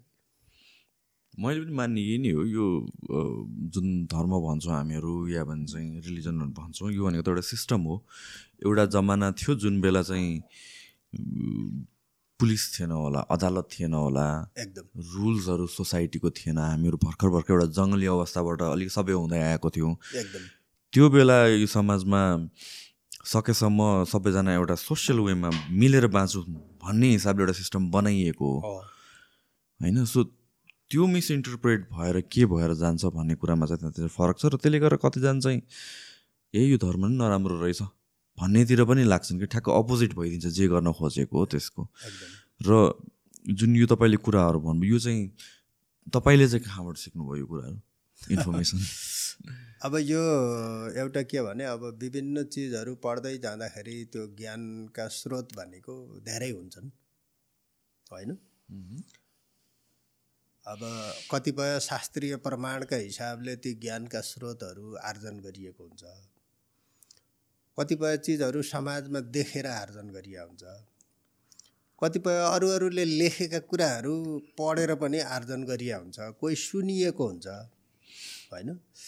अब ज्ञान ज्ञानार्जनको स्रोत धेरै किसिमले आर्जन गर्न सकिने भएको हुनाले अब यो म मैले आफूलाई व्यक्तिगत रूपमा लागेको हिसाबले चाहिँ यो कुरा भनेको होइन? यो समाजमा त विभिन्न खालका सत्ता चलाउने मान्छे त पहिलेदेखि नै थिए नि त। साना साना राज्यहरू कायम हुनुभन्दा अगाडि पनि राज्यहरू थिए। राज्य रजौटाहरू धेरै भए। हामीले पुराण इतिहासका कुराहरू हेऱ्यौँ भने त्यहाँ धेरै किसिमका राज्यहरूले राजाहरूले राज्य गरेका कुराहरू आए। उनीहरूले आफ्नो राज्यलाई कसरी जोगाउन सकिन्छ भन्ने खालका कुराहरूमा सोच बनाए चिन्तन बनाए। त्यो चिन्तन बनाउँदाखेरि अब कसलाई कुन थान स्थान दियो भनेदेखि आफ्नो राज्य सुरक्षित हुन्छ। अब यो खालका कुराहरूसँग भने लिएर गए तर त्यसलाई के गरे भन्दा धर्मसँग जोडे कि? कुरा त त्यही हो। अहिले पनि पोलिटिक्स हुने पोलिटिक्स त हुन्छ नै। हुन्छ नै। त्यो बेला धर्ममा जोड्यो। जोडे। अहिले अर्को केही न केही अहिले अरू अर्को पक्ष पक्ष भयो। होइन? अब धर्म हिजो चाहिँ कानुन बन्यो। होइन? धर्म उल्लङ्घन यो यो कुराहरू उल्लङ्घन गऱ्यो भने त्यसलाई यस्तो पाप लाग्ने छ प्रेमनिधि पन्तले त्यो प्रायश्चित्त प्रदीप भन्ने एउटा किताब सत्र सय अस्सीमा लेखेका छन्। प्रायश्चित्त प्रदीप। तपाईँले के पाप गर्नुभयो भनेदेखि त्यो प्रायश्चित्त के गर्यो भने त्यो पाप कटनी हुन्छ। कुन पाप गरेको अवस्थामा कस्तो कुरा गरेपछि बल्ल त्यो पाप कटनी हुन्छ भन्ने कुरालाई लिएर उनले लेखे। भनेपछि त हिजो सत्र सय अस्सी भनेको त कति गऱ्यो विक्रम सम्बत सत्र सय अस्सी त नजिकै हो नि। त्यहाँसम्म पनि हाम्रा मान्यता त के रहेछन् भने यो पाप गऱ्यो भने यसरी काट्नुपर्छ यो पाप गऱ्यो भने यसरी कटनी गर्नुपर्छ यो गरे यस्तो यो गरे यस्तो भन्ने कुराहरू रहेछन् नि अब हिजो हाम्रो के थियो भन्दाखेरि ढाकर बोकेर नुन लिन जाने थियो। भोटतिर नुन खोज्न जाने चलन।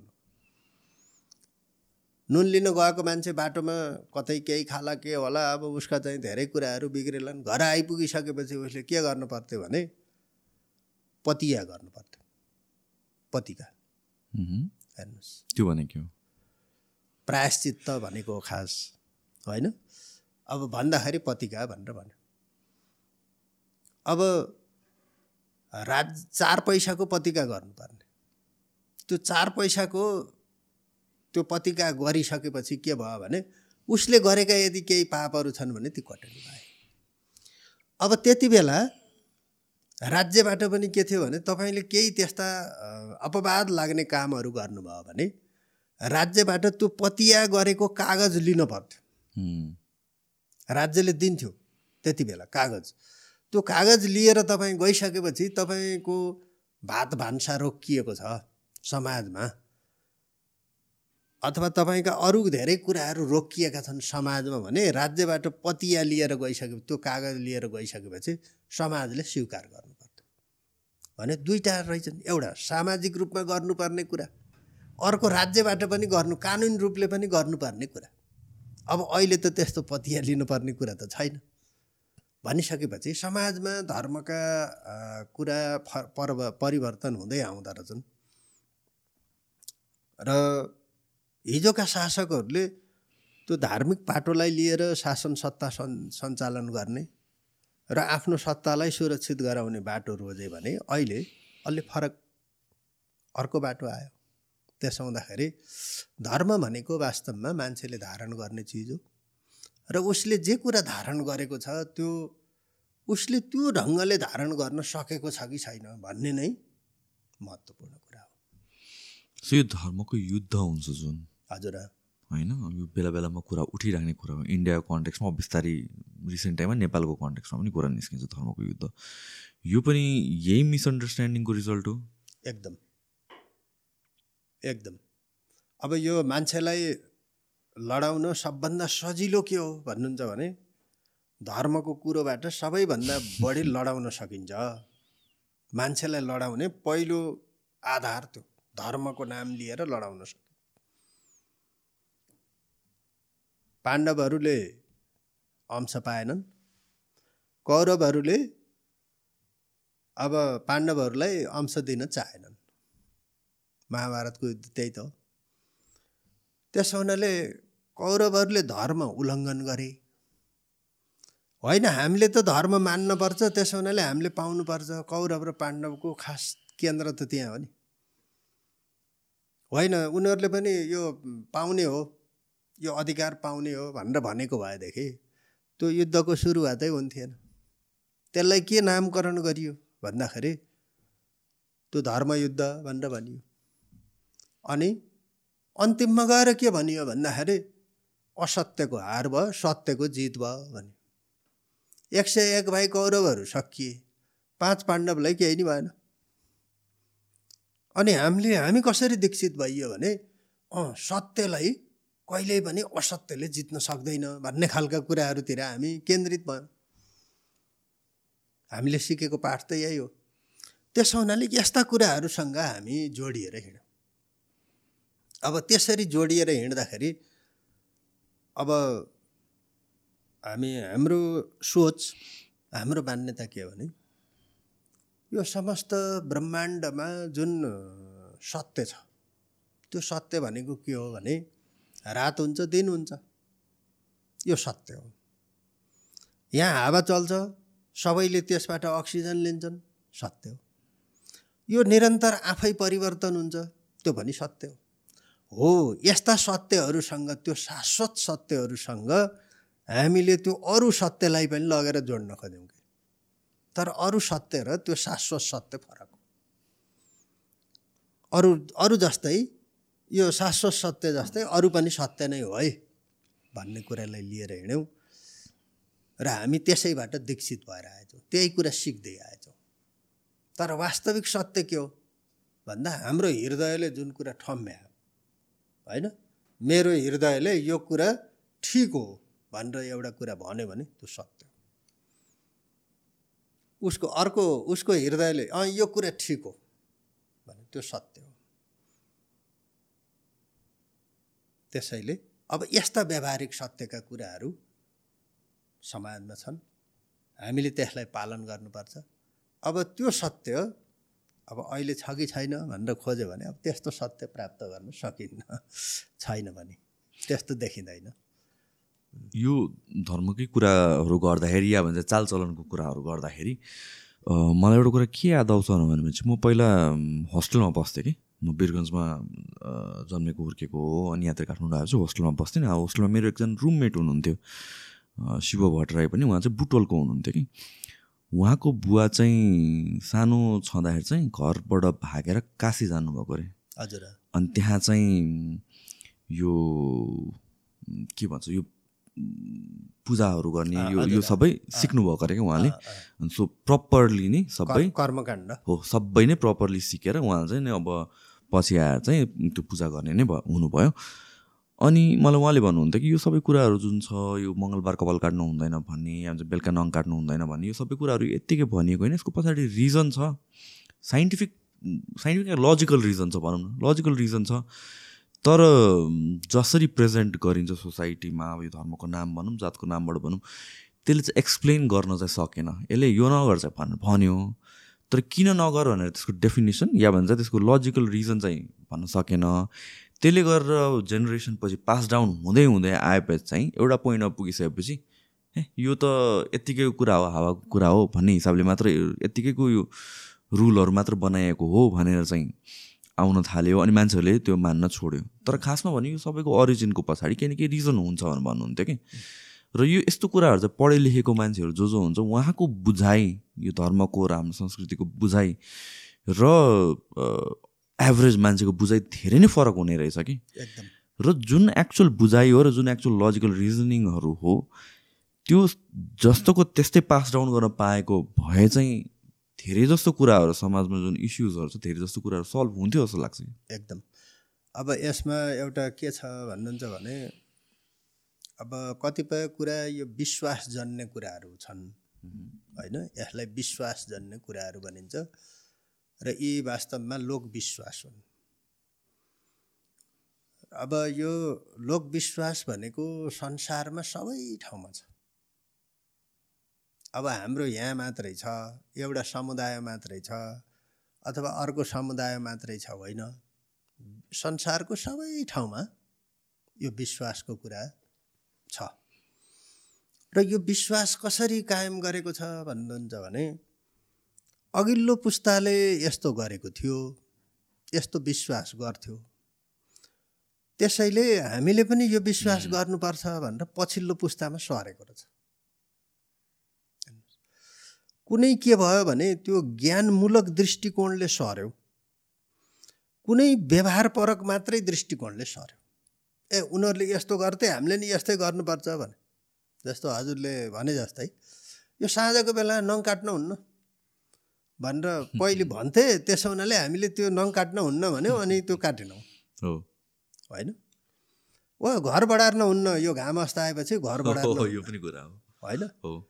यो घाम अस्ताइसकेपछि घर बढार्न हुन्न भन् भने त्यसो हुनाले हामीले घा घर अस्ता यो घाम अस्तायो अब घर बढार्न हुन्न। अब यसका पछाडि यस्ता हाम्रा हजारौँ कुराहरू छन्।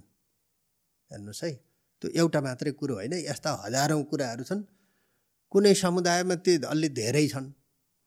कुनै समुदायमा तिनी अलि थोरै होलान् तर छन सबै ठाउँमा छन्। यी के होला भन्दा अब मैले आफूले अध्ययन गरेको मेरो आफ्नो अध्ययनले मैले के पाएँ भन्नुहुन्छ भने एउटा राम्रो अर्को नराम्रो भन्ने कुरामा मात्रै यो विश्वको चिन्तन जोडिएर छ। एउटा राम्रो भन्छ उसले होइन? यो राम्रोको लागि भन्छ अर्को नराम्रोको लागि भन्छ। अथवा यस्तो गरे राम्रो हुन्छ यस्तो गरे नराम्रो हुन्छ भने। तर हाम्रो नेपाली समाज अलि फरक रहेछ अरूभन्दा। नेपाली समाज त्यस्तो छैन। नेपाली समाजले के भन्छ भने होइन यस्तो गऱ्यो भनेदेखि यो यो समस्या समाधान हुन्छ भन्छ कि। यो राम्रो हुन्छ पनि होइन त्यो नराम्रो हुन्छ। समस्याको समाधान हुन्छ भनेर जान्छ। यस्ता कुराहरू रहेछन् त्यसैले यो हाम्रो समाजमा प्रचलित भएका यी कुराहरूमा एउटा के देखियो भन्दाखेरि एउटा शास्त्रीय कुरासँग जोडिएर आएको रहेछ। शास्त्रीय कुरा। है? त्यो शास्त्रीय कुरा कतिपय ठाउँमा विज्ञान सम्मत छ हेर्नुहोस् सुशान्तजी। अब म एउटा उदाहरण पहिले दिन्छु। हिजो हाम्रा जुन ढुङ्गे धाराहरू थिए त्यो ढुङ्गे धाराहरू अथवा पानीको मूल स्रोत भएको ठाउँबाट आमाहरूले पानी लिएर आउनुहुन्थ्यो। गाग्रीमा। त्यो गाग्रीमा पानी लिएर आउँदाखेरि के भने गाग्री भरियो। भरिसकेपछि त्यो हातले पानी फालेर। अनि त्यो पानी घरमा लिएर आउनुहुन्थ्यो। होइन? कुनै मान्छेलाई हामीले अम्खरामा या यो के भन्छन् करुवामा पानी पिउन दियौँ भने त्यो पानी अलिकति उसले तुरुक्क बाहिरतिर फालेर मात्रै बल्ल पिउँथ्यो। भरियोकोले? त्यो भरिएको कारणले होइन। होइन? पानी पानीले तातो पानी? त्यो अलिकति पानी फालेर मात्रै बल्ल पिउँथ्यो उसले। अहिले पनि कैयौँ मान्छेहरू हुन्छन् यो गिलासमा तपाईँलाई चिया दियो या पानी दियो यो औँलो यसरी चोप्छ यसरी फालेर। मात्रै बल्ल पिउँछ। हो। यत्तिकै पिउँदैन हो हेर्नुहोस् त्यो के कारण हो? भन्दा त्यसमा विज्ञानसम्मत कारण रहेछ। त्यो विज्ञानसम्मत कारण भने हामीले त्यसलाई विश्वास मात्रै भन्यौँ। तर त्यो विज्ञानसम्मत कारण के हो भन्नुहुन्छ भने यदि पानीमा त्यस्ता खराब किटाणुहरू कुनै त्यस्तो फुलहरू कुनै चिजको त्यो लार्भाहरू यदि केही छन् भने माथि आएर बस्छन्। त्यस्तो फोहोर हाम्रो घरसम्म नपुगोस्। त्यही भएर आमाहरूले फाल्नुहुन्थ्यो। हेर्नुहोस् है। होइन यहाँ मलाई हजुरले दिनुभयो यो पिउन। यदि यो पानीको गिलासमा केही खराब चिज रहेछ भने माथि आएर बसेका हुन्छ। त्यही भएर त्यो अलिकति फालिदिइसकेपछि त्यो खराब चिज जान्छ। अनि कि यो तल पिँधमा बस्छ हेर्नुहोस्। हेर्नुहोस् है यो दुईवटा पाटो छ। यो बिच भागमा पानीको बिच भागमा बस्दैन।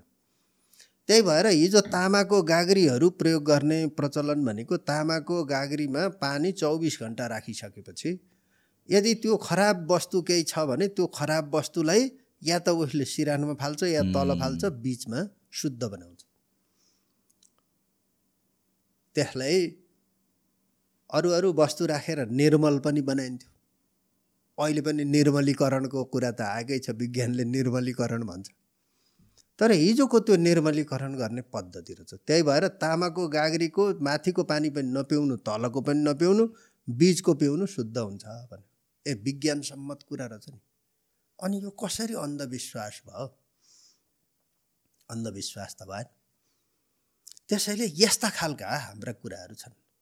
अब जस्तो घाम अस्ताइसके घर बढार्न हुन्न भने। अब घाम अस्ताइसके भनेको के हो भने अब खानपिन गर्ने आदि इत्यादि त्यस्तो बेला भयो नि। समय भयो। तपाईँले खानपिन पनि गर्दै हुनुहुन्छ चुलोमा यता बढार्न सुरु गर्नुभयो धुलो उडाउनु भयो त्यो धुलो तपाईँको खानामा गएर पर्छ। कतिपय यस्ता किटाणुहरू हुन सक्छन् जुन किटाणुहरू पकाएर नष्ट नहुने पनि त हुन सक्छन्। अहिले पनि तपाईँ विज्ञानले त्यही कुरा भन्छ। त्यो मासुको भित्री भागमा यदि कुनै त्यस्ता किटाणुहरू छन् जस्तो यो नामले जुकाहरू पर्ने खालका जुन ती लार्भाहरू छन् भने त्यो लार्भाहरू त एकातिर डढ्यो भने उता नडढेको भाग चाहिँ जीवित रहन्छ भन्छ। एकातिर डढेको छ आधा भाग तर आधा भाग ऊ जीवितै छ। त्यो पकाएर मर्दैन। पहिले त्यसलाई चिसोमा राख्नु पऱ्यो। त्यसपछि फेरि तातोमा हालेपछि बल्ल मर्छ भने त्यही भएर कतिपय मासुहरू मासुको परिकार पहिले फ्रिजमा राख्ने त्यसपछि बल्ल पकाउने यस्तो चलन पनि छ। भने हिजोका ती खराब किटाणुहरू तिम्रो भान्सामा पर्छन् तिम्रो भागमा पर्छन् त्यसो हुनाले हेर है अब साँझ पऱ्यो भनेपछि तिमी अरू प्रक्रियामा जाने हो त्यो घर बढार्नु अब हामीले त्यसलाई के माने मान्यता दियौँ भने होइन अब यो साँझमा यसरी घर बढाऱ्यो भने लक्ष्मी भाग्छिन् भन्ने होइन? अब मान्छे त अर्थ केन्द्रित हिजो पनि थियो। हेर है तिमीले साँझमा घर बढाऱ्यौ भने तिम्रो घरबाट लक्ष्मी भाग्छिन् भने भए त मान्छे तर्सित भइहाल्यो नि। होइन? त बाटो अर्कै सिकाइयो। तर तथ्य के थियो? अर्कै थियो। त्यसो हुनाले यस्ता खालका जुन पद्धतिहरू छन् यी पद्धतिहरू हाम्रो विश्वाससँग जोडिएर कतिपय यस्ता विज्ञान सम्मत कुराहरू त्यो वि वैज्ञानिक चेतनासँग जोडिएका हाम्रा विश्वासहरू थिए। र ती विश्वासहरूलाई हामीले कोही जानेर कुनै नजानेर हेर्नुहोस्। त्यसको प्रयोग गऱ्यौँ है।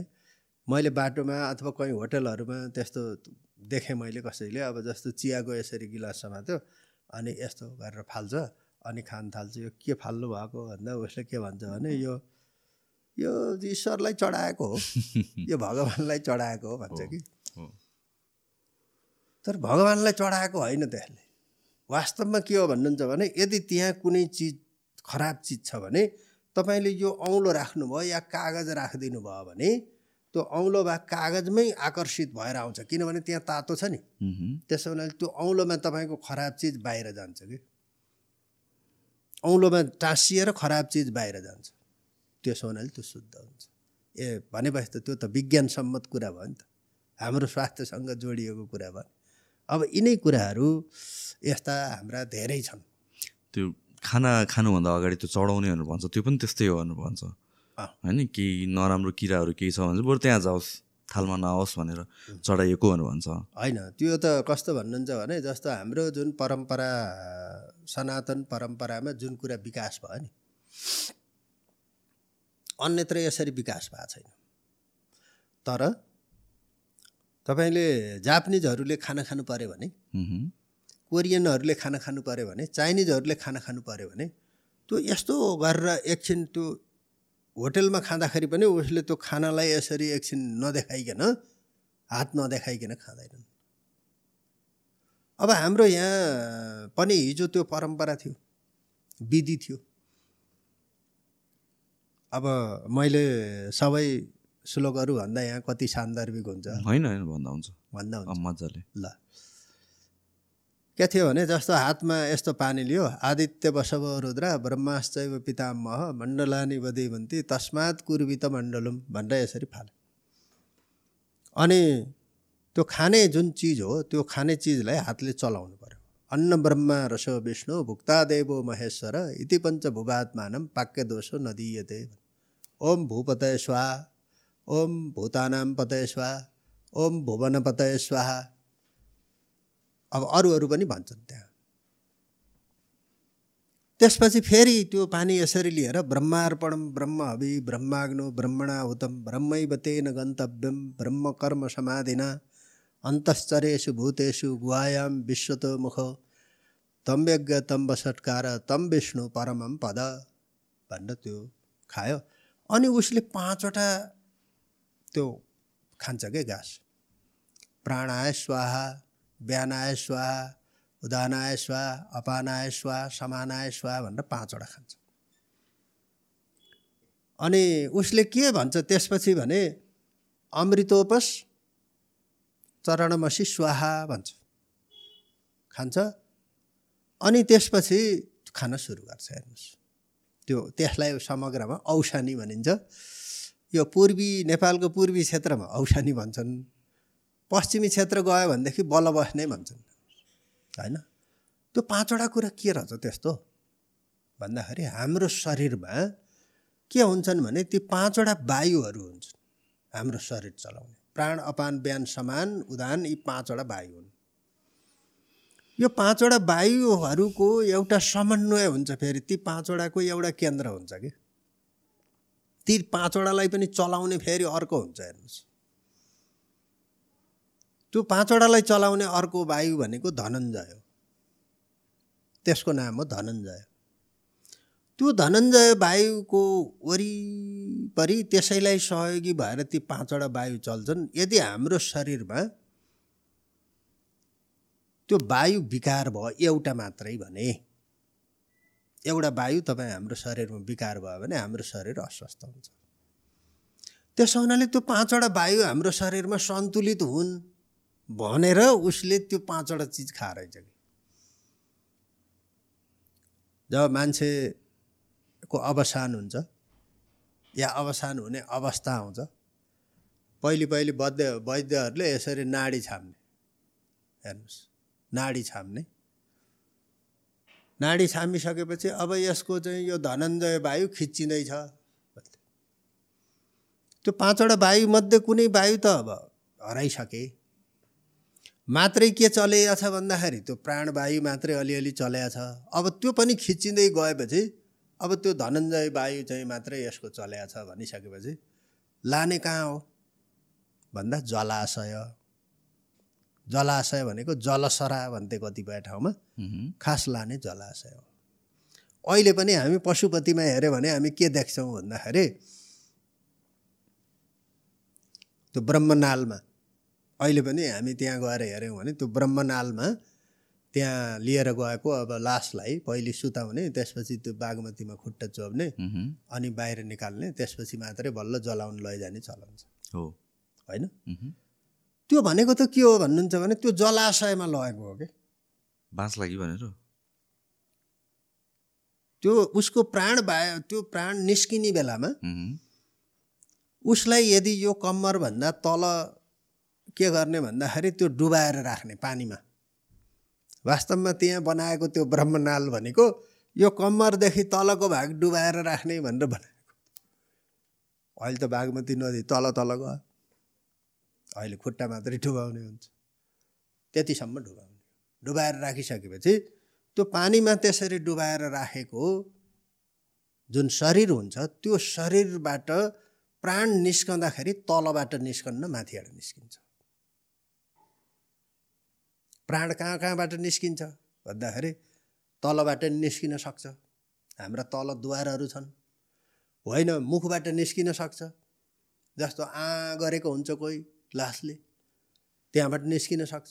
कसैको नाकबाट निस्किन सक्छ। कसैको आँखा एकदम खुला हुन्छ नि अनि बन्द भएका हुन्छन् त्यो आँखाबाट निस्केको होइन यी सबै कोही कानबाट निस्किन्छ।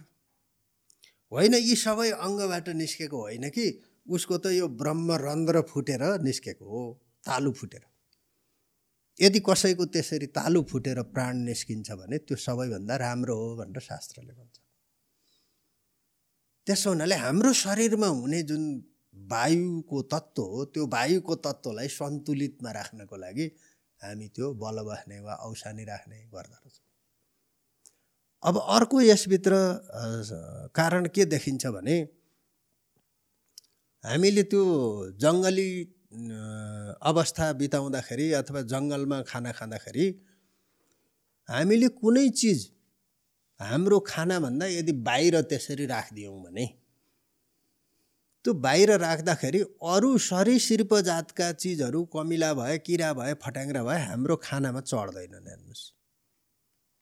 त्यो तपाईँ यसरी पानी घुमाएर अनि त्यसपछि बाहिर त्यहाँ राखिदिनु भयो भने तिनले त्यही बाहिरको खान्छन्। हाम्रो यताको तान्दैनन् यहाँ उनीहरू आकर्षित हुन्नन्।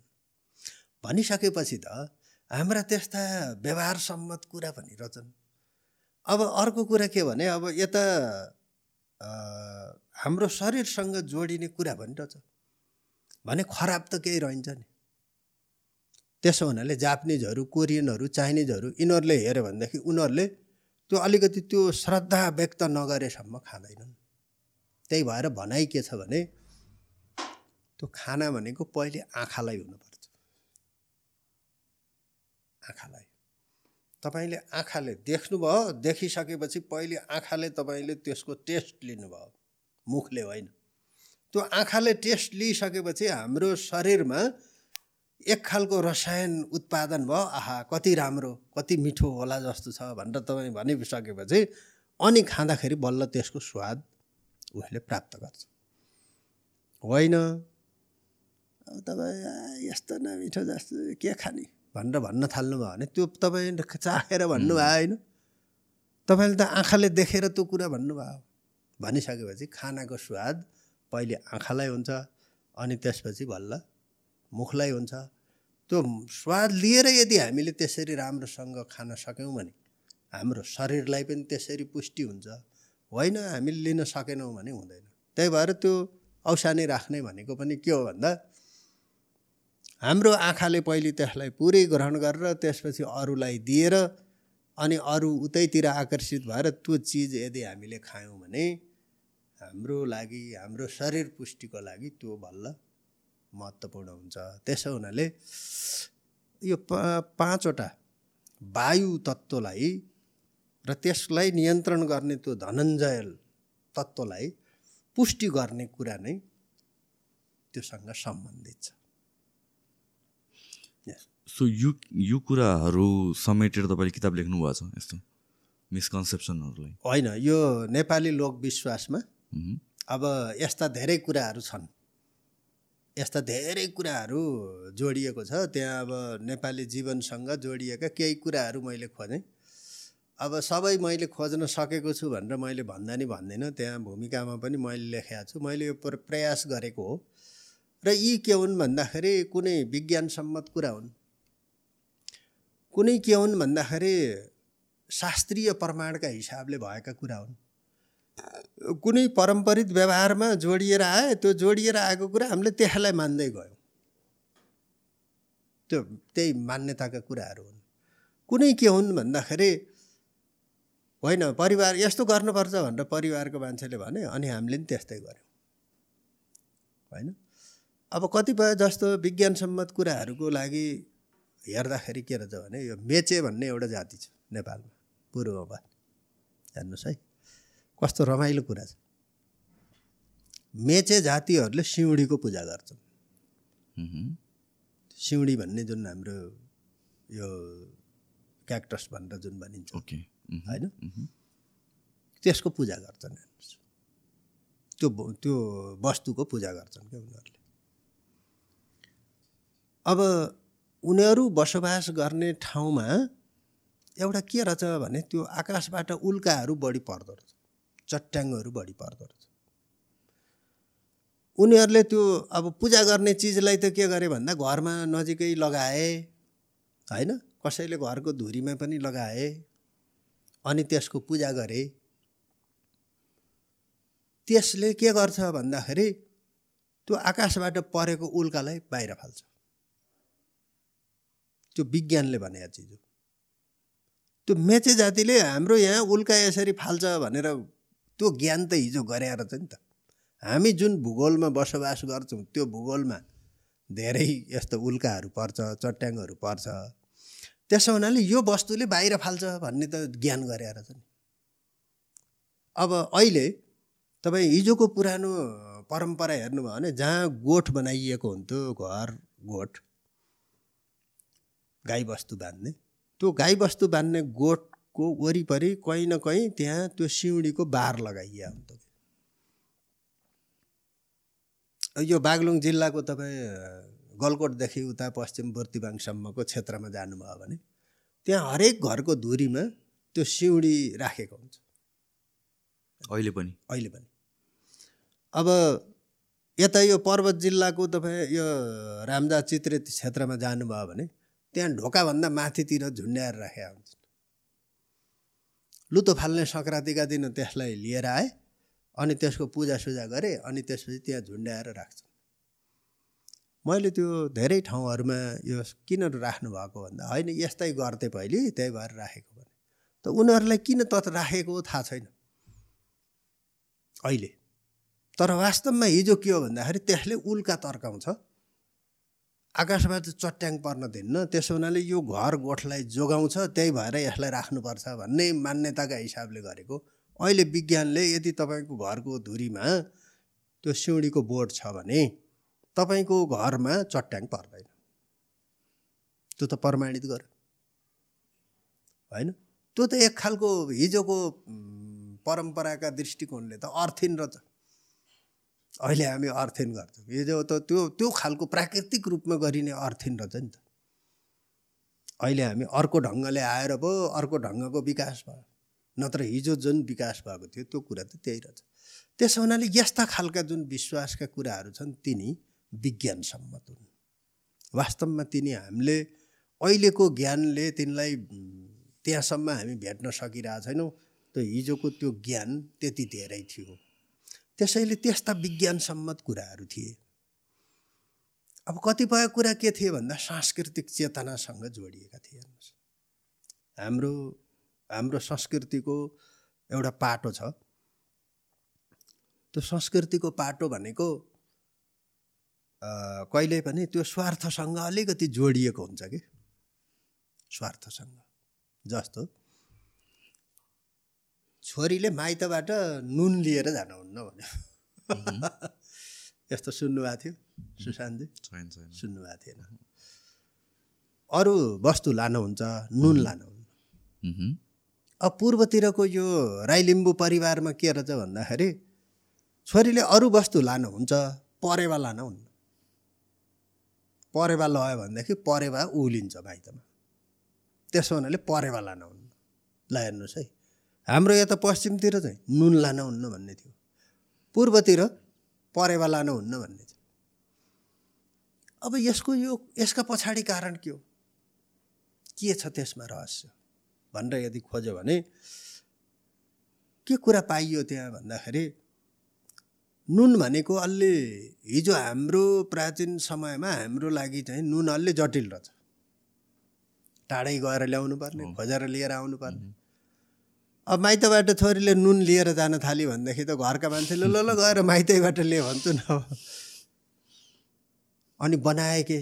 ल है नुन लान हुन्न त्यो संस्कृति बनाइदिए कि? अब परेवा त्यो परेवा विभिन्न प्रयोजनका हिसाबले उसले जस्तो भेडा पाल्छ बाख्रा पाल्छ परेवा पाल्छ कुखुरा पाल्छ यस्तो गर्छ।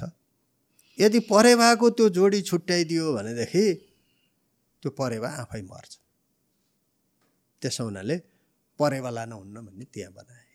त्यसैले आफ्ना आफ्ना त्यो मान्यतासँग जोडियो त्यसलाई संस्कृतिका रूपमा विकास गरियो विकास भएर आयो। तर त्यो भित्र स्वार्थमूलक हिसाबले संस्कृति त्यसरी जोडिएर आयो। अब हाम्रो समाजमा अहिले पनि के छ भन्दाखेरि हातमा खुर्सानी दिनुहुन्न भन्ने छ। हो झगडा पर्छ झगडा पर्छ। ल हेर्नुहोस् है। यो हाम्रोमा मात्रै हो कि अन्त पनि हो? होइन। एकजना जर्मन गएर आएको मान्छेले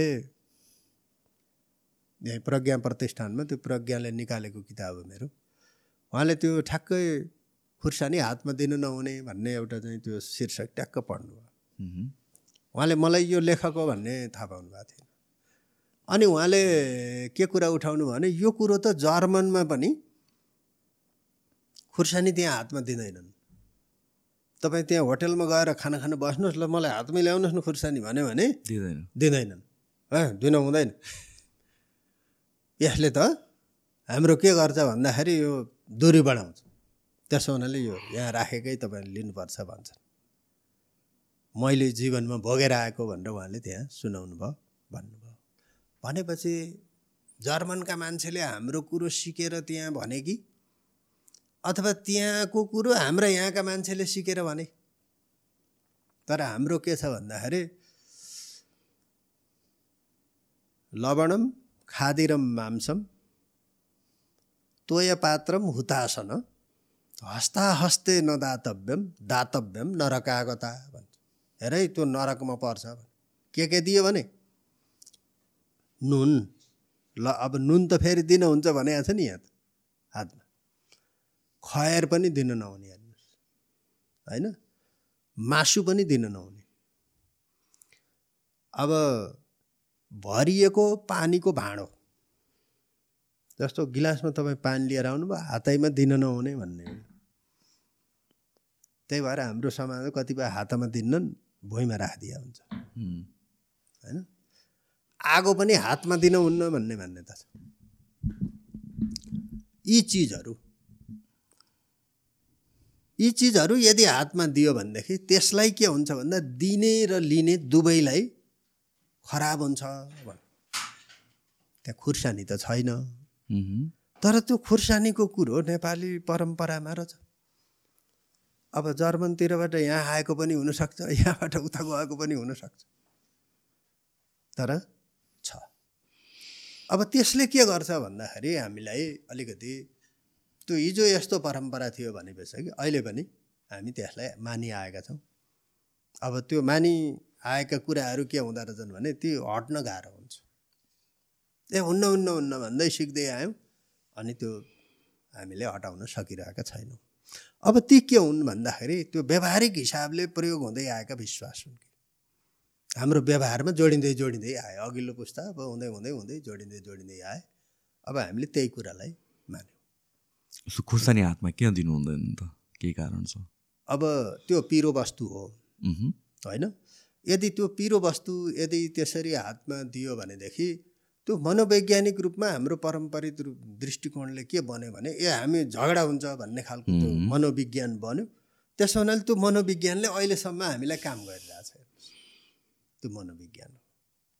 त्यहाँ अरू चाहिँ त्यस्तो शास्त्रीय कारण केही देखिएको छैन। जस्तो लवणम खादिरम मांसम तोय पात्रम हुतासन हस्ता हस्ते न दातव्यम नरकागता यो कुरो त पाइन्छ।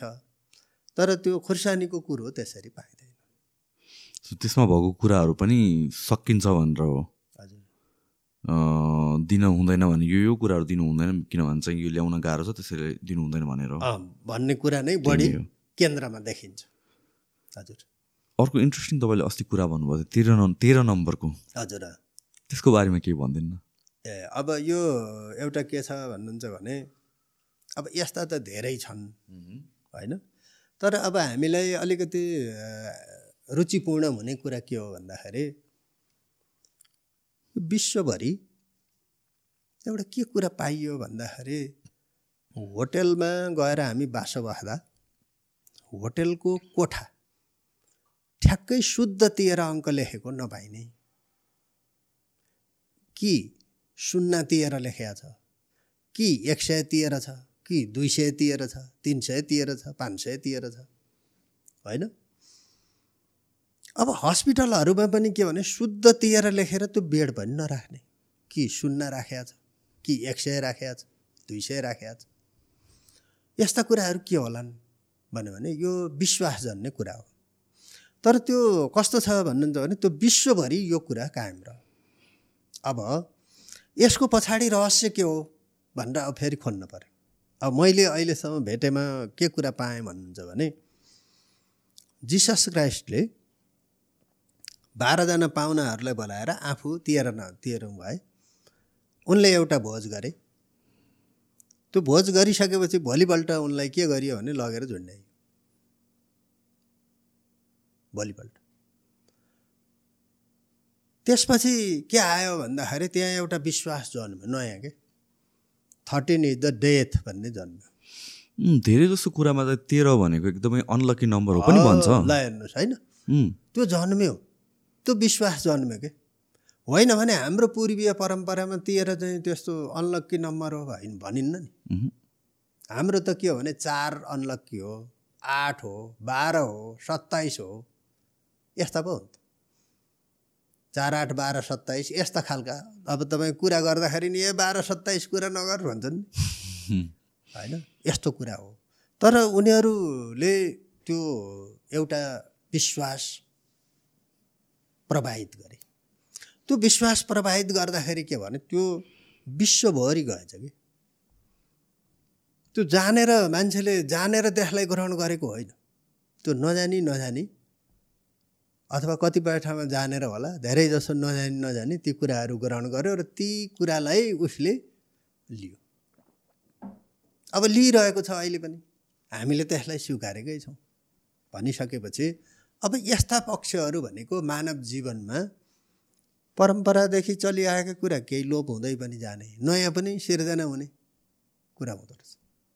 जस्तो हिजो त काठमाडौँ उपत्यकामा राणाकालीन अवस्थाभन्दा अगाडि त यहाँ गाडी थिएनन् होइन? गाडी बोकेरै लिएर आए यहाँ मान्छेले। अब अहिले हामी जुनसुकै ठाउँमा घर घर गाडी देख्छौँ। तर त्यो गाडीमा हिँड्दाखेरि मैले यसो देख्छु कुनै कुनै गाडीमा जुत्ता झुन्ड्याएको हुन्छ अघिल्तिर पछिल्तिर। हेर्नुहोस् है। होइन कुनै गाडीमा कस्तो हुन्छ भन्नुहुन्छ भने त्यो धागोमा चुराहरू गरेर राखेर छर्लम छर्लम पार्ने गरी बजा उ गरेर राखे हुन्छ मैले यो लोकविश्वास लेख्ने बेला त्यो गाडीमा जुत्ता झुन्ड्याएको ड्राइभरलाई पनि मैले सोधेँ। एकजनालाई मात्रै होइन धेरैजनालाई। म कलङ्की चोकमा बसेरै त्यसपछि धेरै जसो मैले के देखेँ भने ट्रकहरूले झुन्ड्याएको रहेछ। अरू गाडी अरूले भन्दा होइन? कलङ्की चोकमा बसेर म त्यो जुत्ता झुन्ड्याएको चाहिँ ट्रक आयो भनेदेखि हात दिएर रोकेर उसँग चढेर म यात्रा गर्दै थानकोटसम्म पुगेर अनि त्यसपछि फेरि थानकोटमा एकछिन अर्को गाडी कुद्ने फेरि। अनि अर्को कुनै आउँछ कि भनेर कुरो अब आफ्नो समयसम्म आयो भने आइहाल्यो आएन भनेदेखि म त्यसरी फर्केँ फेरि कहिले काहीँ आउँथ्यो। आउँदाखेरि अनि फेरि त्यसलाई हात दिएर म चढ्थेँ। मैले त्यहाँको सुरक्षा निकायको मान्छेलाई पनि म अनुसन्धान गर्न हो। यदि जुत्ता यसरी झुन्ड अघिल्तिर झुन्ड्याएको ट्रक आयो भने मलाई रोकेर चढाइदिनुहोस् है। ए हुन्छ हुन्छ भन्थ्यो। अनि मैले एक दुईवटा कुरा सुनाइदिइसकेपछि उहाँहरूले एकदम त्यो रोचक हुन्थ्यो क्या अलि। अनि त्यसरी म चढेँ। र मैले सात आठवटा गाडीलाई त्यसरी मैले धेरै कुरा सोधेँ। तर उहाँहरूको एउटै उत्तर थियो। एउटा उत्तर के थियो भने यसले कुनै बेला त्यस्तो कहीँ के गर्यो भन्दाखेरि मान्छेलाई छोयो। अब त्यस्तो घटना नघटोस् भनेर यो झुन्ड्याएको एक। यो अर्काको खराब दृष्टिकोण नपरोस् त्यो दृष्टिकोण चाहिँ त्यो जुत्तामा परोस्। खराब दृष्टि भन्ने दुई। यी दुईवटा कुरा मात्रै उत्तर पाइए अनि मैले त्यही कुरालाई लेखेँ। उहाँहरूसँग उ गरेर। अनि म यो यात्रा गर्दाखेरि धेरै जसो मैले गाडीमा त्यो चुराहरू झुन्ड्याएको त्यस्तो देखेँ। त्यसमा के रहेछ भनेदेखि यो हाम्रो समाजले पहिलेदेखि नै यो किचकन्नीलाई मान्दै होइन? मान्दै आएको रहेछ। अब गाडीमा यात्रा गर्दाखेरि त कहिले दिउँसो मात्रै हुन्न राति पनि हुन्छ। त्यो रातिमा यात्रा गर्दाखेरि यदि त्यो चुरा झुन्ड्याएको छ भने किचकन्नीले उसलाई आक्रमण गर्न सक्दैन। यदि त्यो चुरा झुन्ड्याएको छैन भनेदेखि किचकन्नीहरूले आक्रमण गर्न सक्छ त्यसबाट जोगिनको लागि हो भन्ने रहेछ र लोग्ने मान्छे यदि एक्लै घरमा सुत्न पर्यो भने त्यो घरमा यदि चुरा कतै राखिदियो अथवा चुरा बाहिर यत्तिकै टेबलमा राखिदियो भने पनि त्यहाँ पनि किचकन्नीहरूले आक्रमण गर्दैनन् भन्ने यस्तो मान्यता रहेछ। त्यसो हुनाले त्यो मान्यतासँग जोडिएको कुरा देखियो। भनिसकेपछि त अब यो के हो? यो कुन तथ्य हो? कस्तो खालको हो भन्दाखेरि अब हिजो हाम्रो पारम्परिक व्यवहारका हिसाबले यसरी त्यो हामीभित्रको मनोविज्ञानमा यस्तो छाप पारेको रहेछ। त्यो छापलाई अहिले पनि हामी के गर्दैछौँ भने त्यो अप्नाएर हिँडिरहेका छौँ। अहिले पनि हामी अपनाउँदैछौँ। र हाम्रो त्यो त्यो व्यवहार अहिले पनि जोडिएको छ। त्यसो हुनाले त्यहाँनिर अहिले यति धेरै गाडी भए त्यो गाडीहरूमा तिनी कुराहरू देखिए। भनेपछि त हिजो गाडी नहुँदाखेरि त त्यो व्यवहार त यहाँ त थिएन। हातका चुरा बजाउनु पर्थ्यो। तर अहिले गाडीमा झुन्ड्याउने कुरा आएछ। होइन? गाडी आयो त्यो जुत्ता झुन्ड्याउने कुरा आएछ। भनेपछि वस्तुसँगै अरू धेरै कुरा पनि ती विश्वासका. कुराहरू नि आउँदो रहेछन्। वस्तुसँगै आउँदो रहेछन् वस्तु नआएको भए तिनी आउने थिएनन्।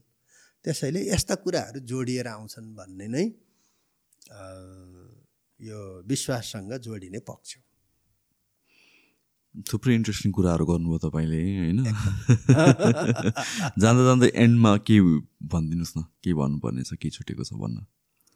अब मेरो एउटा खास मान्यता के छ भन्दाखेरि आफूसँग जे चिज छ त्यसको खोजी गर्ने हो। हरेक मान्छे प्रतिभावान हुन्छ। ऊ यो सुन्दर संसारको एउटा विशिष्ट संरचना हो। त्यो मान्छेले मभित्र के छ गुण भनेर उसले पहिचान गर्नुपर्छ।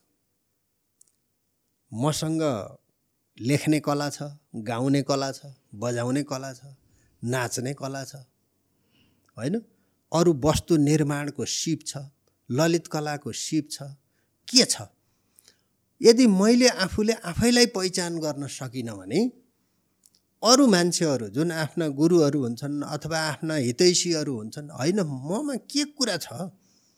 त्यो कुरा मैले बाहिर ल्याउनु छ। त्यसो हुनाले ममा तिमीले के देखेका छौ भनेर मान्छेले त्यो राय लिएर आफूमा भएको चिजलाई बाहिर निकाल्ने रहेछ। त्यही भएर हात बाँधी यहाँ आयौँ हात खोलेर जानु छ। बालकृष्ण समले यही भनेका हुन्। होइन? त्यो हात खोलेर जाने भनेको त के हो? भन्दाखेरि मसँग भएको चिज मात्रै न मैले ब खोलेर दिन सक्छु। त्यसैले त्यो यो सृष्टिमा मान्छेको जुन त्यो विशिष्टता हो त्यो विशिष्टतालाई पहिले आफूले पहिचान गर्न खोज्ने आफूले पहिचान गर्न सकिएन भने अरूलाई पहिचान गर्न लगाउने त्यो लगाइसकेर मेरो विशिष्टता यो भनेर त्यही बाटोमा हिँड्यो भने मान्छे एक दिन गन्तव्यमा पुग्छ अरूले नभेट्टाएका कुराहरू भेट्टाउन सक्छ अरूले नदिएका चिज यो संसारलाई दिन सक्छ। त्यो बाटोमा हरेक मान्छे हिँड्न जरुरी छ। यही नै यो मेरो खास यो निष्कर्ष हो। मेरो आफ्नो मान्यता हो। अब यो मान्यतामा मान्छे यदि हिँड्यो भने त्यो हिँड्दाखेरि जस्तो हामी नेपालमा बसेका छौँ नेपाली हौँ भने यो हाम्रो नेपालभित्र के कुरा छ र मैले यहाँ के खोज्नु छ? मैले के खोज्न सक्छु? के दिन सक्छु? होइन? यो के छ र के दिन सक्छु मैले यहाँ? भएका चिज के हुन्? त्यो के दिन सक्छु भनेर त्यसले खोज्ने रहेछ। जस्तो एउटा यहाँलाई म भनौँ यो छन्त्यालहरू भन्ने एउटा अब थर लेख्ने हो समुदायका मान्छेहरू हुन्। ती मान्छेहरूले के गर्दो रहेछन् पहिले भने बाटो हिँड्दाखेरि उसलाई गन्ध आयो क्या एउटा। केही नै होइन। बाटो हिँड्दै थियो एउटा गन्ध आयो कि त्यो गन्ध आइसकेपछि उसले ल यो यो ठाउँमा खानी छ भन्यो। उसले गन्ध थाहा पाएर। अनि त्यसपछि छ कि छैन फेरि त्यसलाई पहिचान गर्न उसले के गर्यो भने माटो त्यहाँ अलिकति त्यो क्षेत्रको माटो निकालेर यसो मुखमा हाल्यो। चाख्यो। गन्ध पनि आएको छ। त्यो माटो पनि त्यो कुनै त्यो धातु हो भन्ने कुरालाई उसले थाहा पायो। अनि उसले खोज्दै खोज्दै खोज्दै गएर त्यो गन्ध सुँग्दै सुँग्दै त्यो माटो चाख्दै खोज्दै हिँड्दै गइसकेपछि एक ठाउँ पुगेर यहाँनिर छ भनेर ठ्याक्कै निकाल्यो। हेर्नुहोस् त त्यो सिप त्यो विशिष्टता होइन? त्यो त व्यक्तिसँग जोडिएको चिज हो नि। त्यो एउटा समुदायका मान्छेले ज्ञान गरे त्योसँग जोडियो अर्को समुदाय भने उसले नि ज्ञान गर्न सक्थ्यो। तर हामीसँग त्यस्तो खालको हिजो भएको त्यो सिप अहिले अब बिस्तारै लोप अरू अरू कुरा गयो त्यसो हुनाले हाम्रो परम्परादेखि हामीलाई सिकाएका त्यस्ता यदि सिप छन् भने पनि यो राज्यसँग जोडिएर यो राज्यलाई पहिचान दिलाउने दृष्टिकोणले ती सिपहरू उपयोग गर्छ। हाम्रो शिक्षा त्यतातिर लक्षित हुनु पऱ्यो त्यसैले पहिले आफूलाई चिन्ने मैले आफूलाई चिन्न सकिनँ भने अर्को मान्छेलाई भनेर साथीलाई गुरुलाई आफ्नो अभिभावकलाई या कसले मलाई चिनाइदिन सक्छ त्यो खास मेरो प्रतिभा कहाँनिर छ त्यो प्रतिभाको यदि उसले उपयोग गर्यो भने ऊ के हुन्छ भने जीवनमा सफल मान्छे हुन्छ र त्यो सफल हुने बाटो त्यसैले मान्छेले आफूलाई पहिले चिन्नुपर्छ भन्ने मेरो यो अन्तिम निष्कर्ष हो। धेरै धेरै धन्यवाद। एकदम इन्ट्रेस्टिङ भयो आजको कन्भर्सेसन यो किताब पार्वती जन्मभूमि भने कहाँ पाइन्छ ल? कहाँ किन्न पाइन्छ मान्छेहरूलाई इन्ट्रेस्ट भयो भने? ए यो मैले यहाँ रत्न पुस्तक भण्डार बाग बजारमा छ। त्यसपछि धार्मिक पुस्तक पसल भोटाइटीमा। यो दुई ठाउँमा काठमाडौँमा दुई ठाउँमा उहाँहरू विक्रेता बनेर यो किताब लिनुभएको छ। अब यो बाहिर बाहिर जिल्लामा अन्यत्र पनि गएको छ तर यहाँ अरू पसलहरूमा खास दिएको छैन मैले। र यो प्रकाशक फेरि अरू अन्य मान्छे भएको हुनाले उहाँहरूले जसरी राख्नुभयो यो दुई ठाउँमा काठमाडौँमा पाइन्छ यो पुस्तक। हस् धेरै धेरै धन्यवाद। हजुर धन्यवाद सुशान्तजी। हजुरलाई पनि यहाँ बोलाइदिनु भयो मलाई यो दुई चारवटा कुरा राख्ने अवसर दिनुभयो। त्यसको लागि हार्दिक आभार व्यक्त गर्दछु। र मेरो जाँदा जाँदै एउटा खास भनाइ के छ भन्नुहुन्छ भने पार्वती जन्मभूमि भनेर हामीले जुन कुराहरू भन्यौँ कमसेकम हामी यो सनातनीहरूले त्यो माटोमा एकचोटि पुगेर आफूले शिर नेउराउन सक्ने त्यस्तो खालको हामी वातावरण आफै सिर्जना गरौँ। र हामी सबै जुट्यौँ भनेदेखि त्यो बनाउन सक्छौँ। र हाम्रो नेपालको पहिचान हुन्छ र धार्मिक पर्यटकीय स्थलको रूपमा हामीले त्यसलाई विकास गर्न सक्छौँ। यस्तो काममा हामी पनि सबै जोड्यौँ सबै लागौँ होइन? अब एउटा भनाइ के छ भने अमन्त्रम अक्षरम नास्ति नास्ति मूलो बनौषधम अयोग्य पुरुष नास्ति योजकस तत्र दुर्लभ भन्छ। कुनै पनि मान्छे अयोग्य हुन्न सबै मान्छे योग्य हुन्छन् तर त्यो के योग्यता त्यो मान्छेसँग छ भन्ने कुरा त्यो भनिदिने मान्छे चाहिँ दुर्लभ हुन्छ। होइन? त्यसो हुनाले त्यो भनिदिने मान्छे मैले कमसेकम यहाँ यस्तो छ भनेर थोरै भनिदिएको छु। हामी सबै जुटौँ र त्यसलाई हामीले उजागर गरौँ र देशको मुहार अलिकति धार्मिक पर्यटकका दृष्टिकोणले परिवर्तन गर्न सकौँ भन्ने मेरो यही आग्रह छ। हस् धन्यवाद। हस् धन्यवाद।